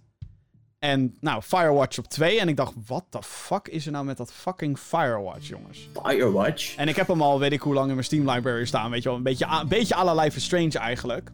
Mm -hmm. En um, dit is echt een walking simulator. Gewoon letterlijk. Gewoon het enige ja. wat je doet in de game is rondlopen. En soms moet je klimmen. Maar dat gebeurt dan zo goed als geautomatiseerd. Alleen het is ja. dan, uh, en dit is een beetje een terugkerend thema in deze show, het verhaal wederom. Mm -hmm. uh, waardoor je door wilt spelen of lopen. En het, ja. uh, wat ik zelf heel tof vond aan Firewatch is in het begin is het inderdaad heel relaxed. Dan is het gewoon, oké, okay, je loopt door het bosje heen. Oh, hey, wat tieners zijn vuurwerk aan het afsteken. Wat de fuck zijn ze aan het doen, weet je wel? Ga ze eens ja. tegenhouden, want hey, voor je het weet staat dit hele bos in de fik. Ja, dus dus doe eens even normaal. Je bent gewoon wat klusjes aan het doen eigenlijk. Ja. En sowieso denk je over je personage... Gast. Weet je wel, want nou, het hele intro is eigenlijk een beetje net zoals The Last of Us. Doesn't fuck around. Hier. Nope. En je al, hoppakee, bam. Ja. Er gebeurt echt iets heftigs. Um, en het mooie van Firewatch is dat dat het doet zonder het te laten zien. En, uh, maar dat doet het heel veel. Ja, nou, ja, nou exact, ja. Eigenlijk, um, ja, ik, ja, ik wil ook niet spoilen natuurlijk, maar... Nee, maar ook de hele interactie die hij heeft met, uh, met Delilah, ja. die grotendeels plaatsvindt over de walkie-talkie, dat zie je niet. Maar dat, dat, ja, dat, dat is dan weer een testament naar de, de mensen die die... Uh, die, die, ja, die sowieso de tekst hebben geschreven is, en ook de is, stemmen hebben ingesproken. Het is eigenlijk andersom van wat je in, in een film doet. In een film is natuurlijk de gouden regel show, don't tell. Mhm. En hier is het tell, don't show. Ja. Want En ze, dat vertel- ze, ze, ze maken alles duidelijk zonder iets ervan te laten zien. Zeg maar, van de backstory en de history en dat soort Mhm. dingen. Maar daardoor ga je dus ook alles in twijfel trekken wat er gezegd en gedaan wordt. En dat is, eh, dat is waar deze game inderdaad zijn kracht vandaan haalt. Want dat hele enge gevoel. Ik ben sowieso zelf al bang om door het bos te lopen. Mhm. Z- zeker s'avonds. Nou, oké, overdag vind ik het niet zo'n groot probleem. Maar s'avonds vind ik het oprecht eng om in een bos te lopen. Sorry voor het vuurwerk trouwens. Ja, precies. Maar, ehm, als in, er is nu vuurwerk bij jou op de achtergrond? Of was dat een... Nee, eh, Referentie er is naar vuurwerk bij mij nu. Oh, oké, nou, ik Oh, hoorde het niet. gezellig. Nou, Oh, sorry. leuk. Einde van het jaar, hè. Nummer 2 Ja. op het lijstje, dus logisch. Nee, maar ehm, eh, eh, eh, en dit, deze game had bij mij op sommige momenten ook dat gevoel van... Ja, fuck, ik weet nou eigenlijk niet of ik hier nou wel veilig ben.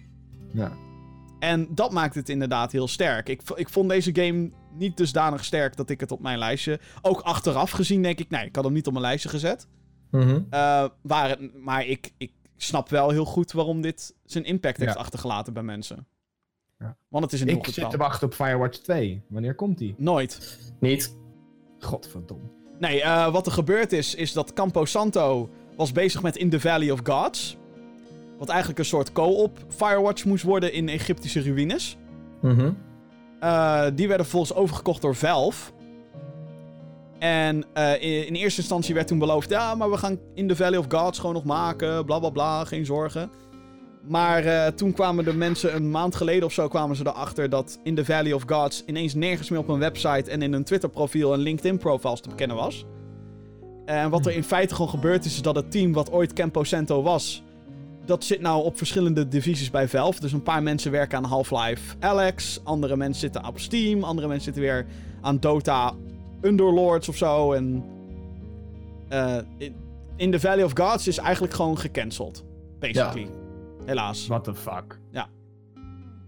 Dat vind, ik, eh, dat vind ik nou echt heel jammer. Ja, nee, dat snap Weet, ik. weet je trouwens waarom het verhaal zo goed is in Firewatch? Nou, Nou. Omdat twee van de stichters van Campo Santo, Mhm. eh, die komen bij Telltale Games. Ah, ja. Ah. Ja. Ah, ja. Die hebben al de enige ervaring. En die hebben al enige ook- ervaring inderdaad. En het Nee, is ook heel... ik, vond dit zo, ik vond dit echt briljant. Ik Ja. vond dit echt zo goed. Het is natuurlijk heel logisch dat Valve heeft gedacht, deze mensen moeten we hebben. Ja. Eh, dat ze dat dan weer op andere projecten gaan zetten, dat ja, heb ik dan zelf weer een beetje gemengde gevoelens over. Maar ja, het is zoals het is.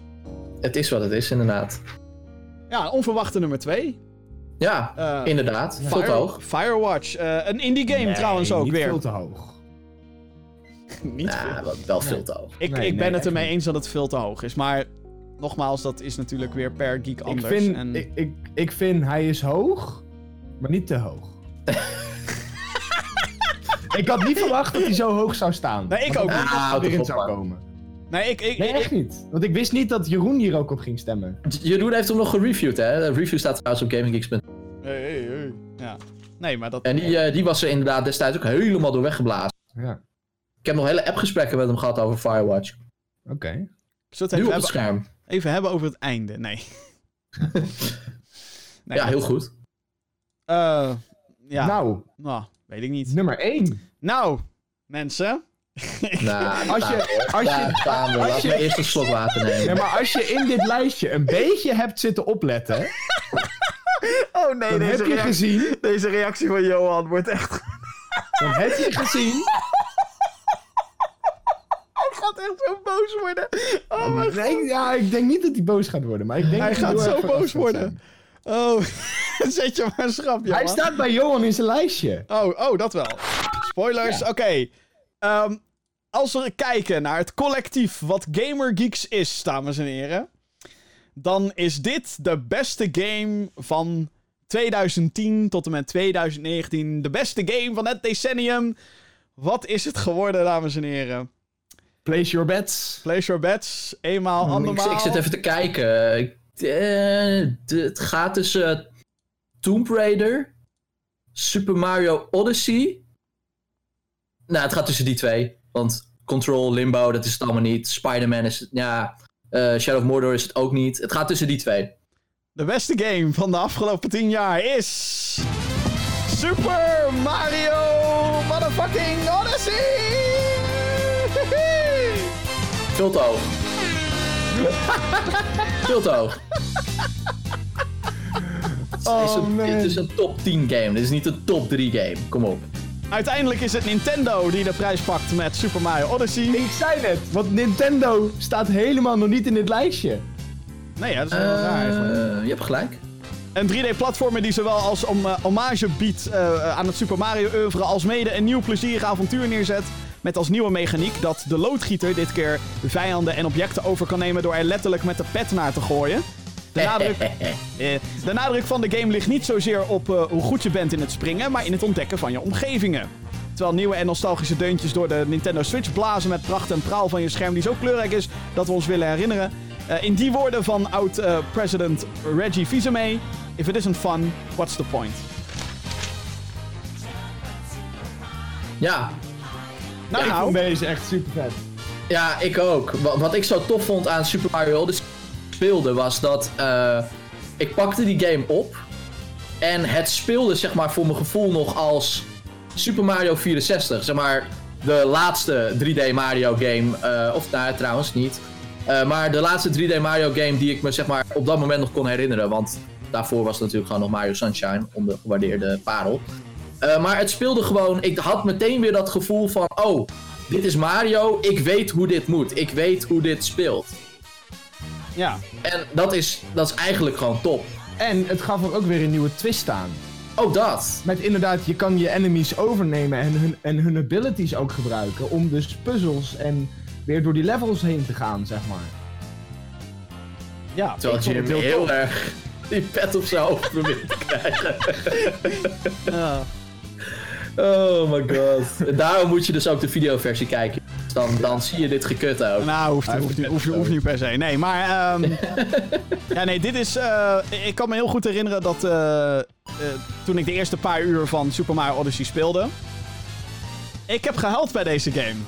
Wow, van het lachen. Gehuild? Ja, nee, gewoon... Ik was aan het spelen en er kwam echt één, één zo'n traantje kwam over mijn wang van... Want iemand gaf je een knietje of zo. Ook, maar ook van... Wat is dit leuk eigenlijk? Jezus, Goed wat, hè? wat leuk! Het was een, echt van begin tot eind. Was gewoon een leuk spel! Ja, Ja, nee, Ja. maar dit, dit is voor mij Nintendo magie op een cartridge. Of in de vorm van een paar gigabytes data op je handheld. nou, Ehm, Ja, dit, dit is gewoon hoe een 3D Mario moet spelen, toch? dit is gewoon wat een Nintendo game is. Ja, nou, ik, ik vind het... eh, ik moet heel Absoluut. eerlijk zeggen, ik had niet verwacht dat dit op nummer 1 ging staan. Eh, Ik ook No. niet. Nee, echt niet. echt helemaal Ik, niemand. ik had maar echt mijn, mijn, mijn geld gezet op The Last of Us. Ja, ik ook. Geld op in. Dus dat ben ik kwijt. Bedankt daarvoor. Nee, maar Misschien wel eh, een tikkie. wat, wat, wat deze game, eh, wat mij betreft, zo ontzettend goed maakt, is eh, eh, de, het plaatje wat het schetst. En het ongegeneerde, laten we gewoon lol hebben. Geen levens, geen whatever. Je kan wel doodgaan, maar dan kan je gewoon opnieuw proberen. Whatever, who gives a fuck. Ehm, als je echt wil ontdekken en jezelf echt wil uitdagen, dan kan dat. Want er zijn genoeg moons, wat hier de sterren zijn van Odyssey, eh, die echt wel moeilijk zijn. En die echt wel wat skill vereisen om er te komen. Maar het hoeft niet. Dus eh, je kan hem eigenlijk heel snel uitspelen, dit spel. Maar dat betekent niet dat je er al klaar mee bent. Nee. Zeg maar. Je kan, je kan, je kan blijven, eh, blijven ontdekken. Rondspringen. Ja, rondspringen wat je wilt. En ik vind dat deze game ook als geen ander laat zien hoe, hoe...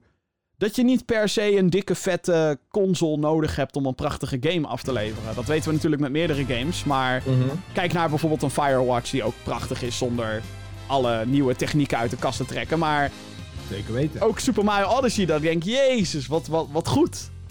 Weet je wel, wat, wat, wat mooi en wat draait het goed en wat, wat speelt het lekker en wat, eh, hè? Ja, maar Super Mario Odyssey is gewoon, is gewoon top. Ja, Alles klopt aan die game. Alles. ja, echt alles. Ik, kan, ik, kan, ik kan niet iets vinden binnen Super Mario Odyssey dat ik denk... eh, ik had gehoopt dat ze dat net even... Nee, alles klopt en werkt zoals ik verwacht dat het zou werken. Ja. Snap je wat ik bedoel? Het is voor mij niet mijn favoriete 3D Mario game, in alle eerlijkheid. Dat- Sunshine. Oh nee, dat blijft voor mij dan weer Galaxy. Maar, ja, zeker. ehm, Galaxy, ja. eh, dit was... Ik had nooit verwacht dat dit goed ging worden, ook. Heel eerlijk weer. Ik dacht, zeker met die trailers, met die mensen in die stad, dat ik dacht... Ze gaan een beetje de Sonic 06-route op je mee. Ik weet niet. Ja, jij was heel kritisch ik inderdaad was in de heel aanloop. in het- sceptisch. Ik was heel sceptisch. Ja. Maar ja, dan ga je spelen en dan dringt het pas tot je door hoe fucking belachelijk het is dat je een petje naar een T-Rex gooit, waardoor die T-Rex een Mario petje en een snor krijgt. En je vervolgens als T-Rex door een of ander fantasiewereld rondbrult en, en gewoon je ding gaat doen.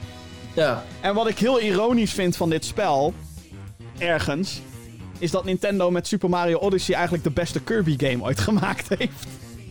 Ja, met, met, het, met het overnemen van, bedoel je. Ja, want daar waar Kirby echt al jarenlang ook die laatste Kirby game op Switch, I don't give a fuck. Het is niet origineel meer, het is niet leuk meer. Te het is- makkelijk. Het is, te makkelijk. En dan komt Mario ineens voorbij en dan is het... Ik vraag me ook oprecht af wat er was gebeurd als dit een 3D Kirby game was. Want waarom doen ze dit gewoon niet met fucking Kirby? Ja, nou kan het niet meer, jongens. Nee. Nou heb ik al gedaan. En het past naadloos bij, bij, bij de manier hoe ze dat met Mario doen. En de animaties erbij. En de, de, oh, de vrolijkheid. En oh, oh. En de muziek. De Ja. muziek, ja. Oh, Holy die shit. soundtrack. Ja. Ja.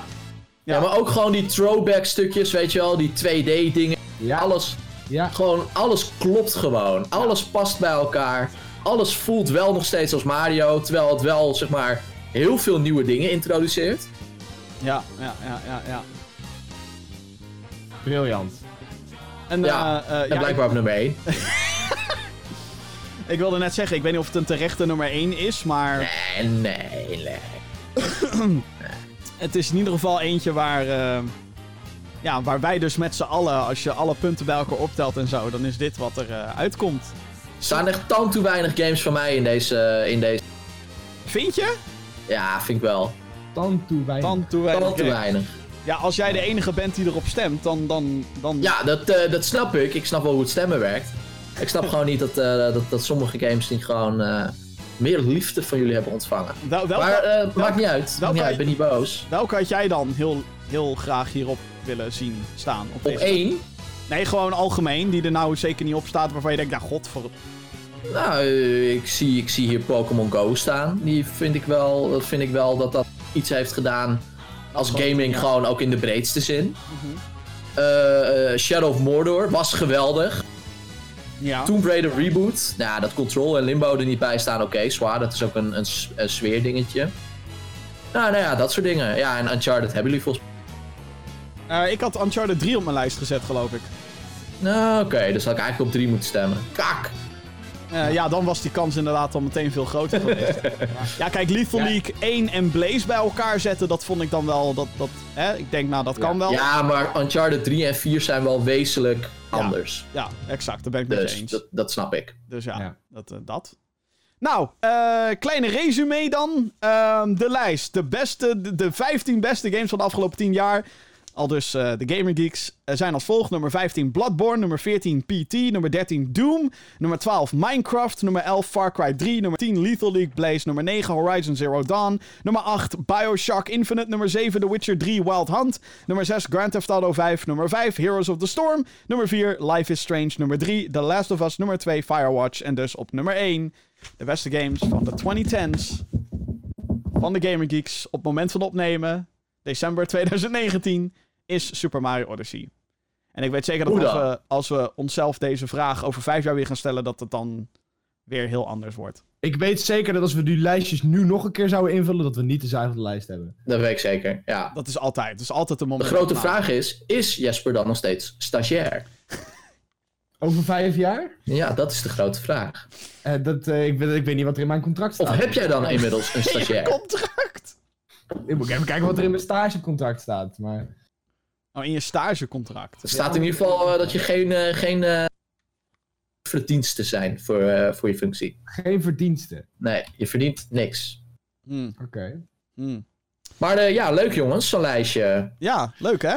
Ja, ik vond het ook wel weer leuk. Nog Ja. één. Nog Ik, ik, ik denk ook wel dat, zeg maar, dat, dat waar we zeg maar, mee openden, zeg maar, van wat, wat heeft nou deze generatie of deze decade soort van gedefinieerd, namelijk verhaalvertelling, dat dat wel heel erg naar voren komt in dit Wel lijstje. duidelijk, ja. Vooral met Super Mario Odyssey. Ja, zeker. Dat je echt denkt van, wow, Daar wordt toch een verhaal neer... Nee, maar zonder grappen. Ik bedoel, je ziet, het, je ziet het wel echt aan het lijstje. Ja, zeker. Eh, ik kreeg Ja, daar nog één, één mailtje door. ehm, Oh. Die ik wel heel eh, eh, leuk vind om dat hier nog in mee te nemen. Podcast.gaminggeeks.nl, dames en heren. Dat is een mailadres waar jij al je vragen kwijt kan voor deze show. Waarin we het normaal over wat meer actuelere dingen gaan hebben dan de leukste games van de afgelopen tien jaar. Eh, Ook volgend jaar, toch? Ook volgend jaar, ja. Eh, Ruben die heeft gemaild. Hey geeks, ik zat pa- pas wat video's van The Game Theory. It's not a theory, a game theory. of theory. Eh, it's just a theory. A game theory. Te kijken en kwam uit op een, op een Five Nights at Freddy's lore video. Waarin MadPat, de YouTuber in kwestie, de timeline uit probeerde te leggen. Ik heb vroeger best wel wat FNAF lore proberen te volgen. FNAF is dan Five Nights at Freddy's. Maar wat er nu verteld wordt, had niks meer met het oude te maken, waardoor ik er echt niks meer van begreep. Mijn vraag is nu, welke game heeft volgens jullie de meest ingewikkelde lore? Tering. Goed en de beste wens voor 2020, al dus Ruben. Dankjewel Ruben. World of, World of Warcraft? Eh, ja, meest ingewikkeld. Hmm. Ja, eh, ja eh eh, Bloodborne? Is Bloodborne heeft dat hele ingewikkelde lore, ja? Of is dat gewoon hele vage lore? Dat is natuurlijk... nou, wa- wa- wat, wordt, eh, wat definieer je dan inderdaad als ingewikkeld? Dat is dan de vraag. Ik heb een antwoord hierop en dat is Final Fantasy 13. fucking start dat teringspel op. There's a false C, en een Lucie, en een CF. What the, waar de fuck heb je het over? Another Lucie. Wat de... Wat, wat bedoel je Another Lucie? Wat is een Lucie? Lees het boekje. Welk boekje? Oh, 14.000 pagina's aan bullshit lore. Oh, een Lucie is kennelijk een kristal iets. Maar een CF is dan iemand die misschien een kristal wordt. Of zoiets. En dat is dan het ja, begin. klinkt wel ingewikkeld. En dat is het begin van de game. Fuck Final Fantasy 13. Kutspel. Dat was die Lightning Returns, toch? Ook, dat was deel 3 van Final Fantasy 13. Die was Oh ja, kut. sorry. Ja, Oh ja, nou, inderdaad. ja, want daar was Zeg gewoon Final Fantasy. Die Daar- lore is gewoon compleet. daar kwam een oud, oud personage ineens in terug waarvan je dacht dat hij dood was, maar nee, hij was God. Oh, GTST. Wat? Ingewikkelde lore, ja. Het is mij, Ludo.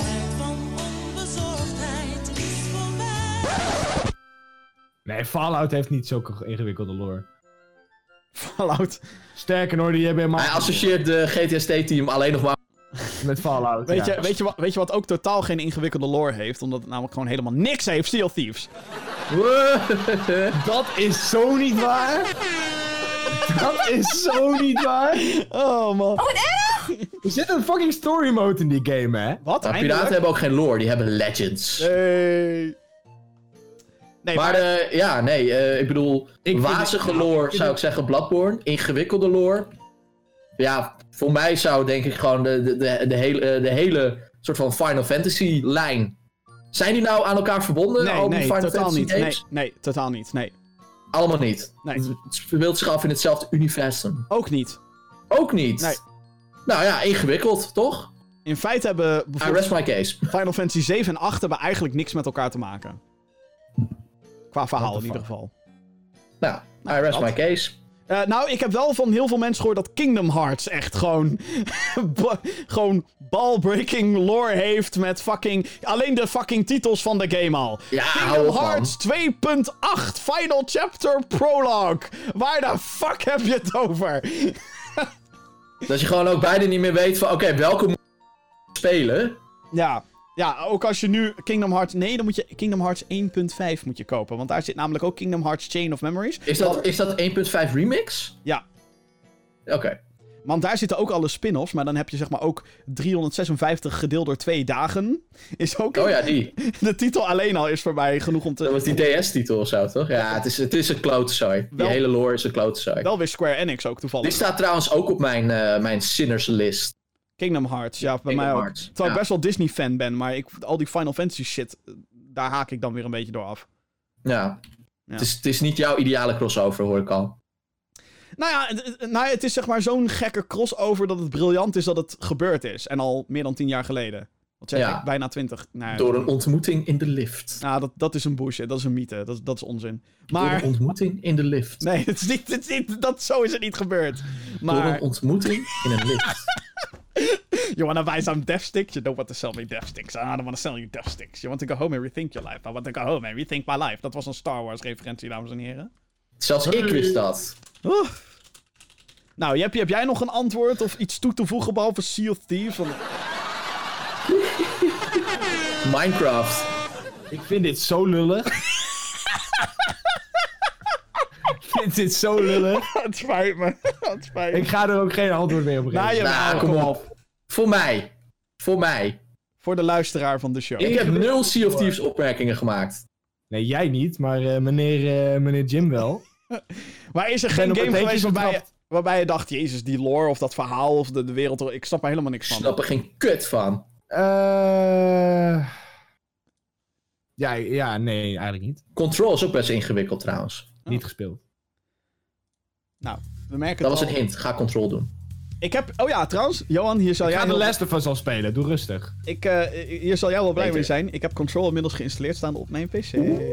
Oeh. Ja, Met maar geïnstalleerd staan betekent bij jou nog niks, Jim. Nee, klopt. Maar Firewatch ook al vijf jaar geïnstalleerd staan. Die is leuk, die is leuk, die is leuk, die is leuk. Jongen, jongen. Hè, hè, nou, en met eh, die briljante conclusie. Namelijk dat Zijn we aan het einde gekomen? Nou, dat zie je precies niet. meer. Eh, zijn we aan het einde gekomen van deze 111e aflevering van de Gaming Geeks podcast. Ehm, nou jongens, dat was 2019 ook meteen. Oké, doei. Bye bye. Zwaar, zwaar. Later. Ehm, hartstikke leuk dat jullie er allemaal weer bij zijn geweest. Ik hoop dat jullie er ook allemaal weer bij zijn in 2020. Waarin eh, de podcast natuurlijk er gewoon weer is. En dan gaan we het weer hebben over de nieuwste games en de dingen die we... eh, en het nieuws en E3. En er komen best wel wat spelletjes uit, denk ik, of zo. Ja, en nieuwe consoles. Het wordt één Zoiets, groot ja. gekkenhuis. Doom Eternal en eh Wordt Doom helemaal Eternal en eh. Doom Eternal en eh. Cyberpunk 2077 The Last was part 2 man. Kom en op Last of Us nou. Part 2. Oh ja, en noemen. Final Fantasy 7 Remake. Hey, Final Fantasy hey, Deel 1. Part 1. en laten we niet vergeten, Final Fantasy Crystal Chronicles Remastered komt eindelijk uit. Daar heb ik wel zin in. Ook toch wel. Oh, ik dacht echt dat er nu zou komen. Fuck dat. Nee, daar heb ik wel zin in. Ja.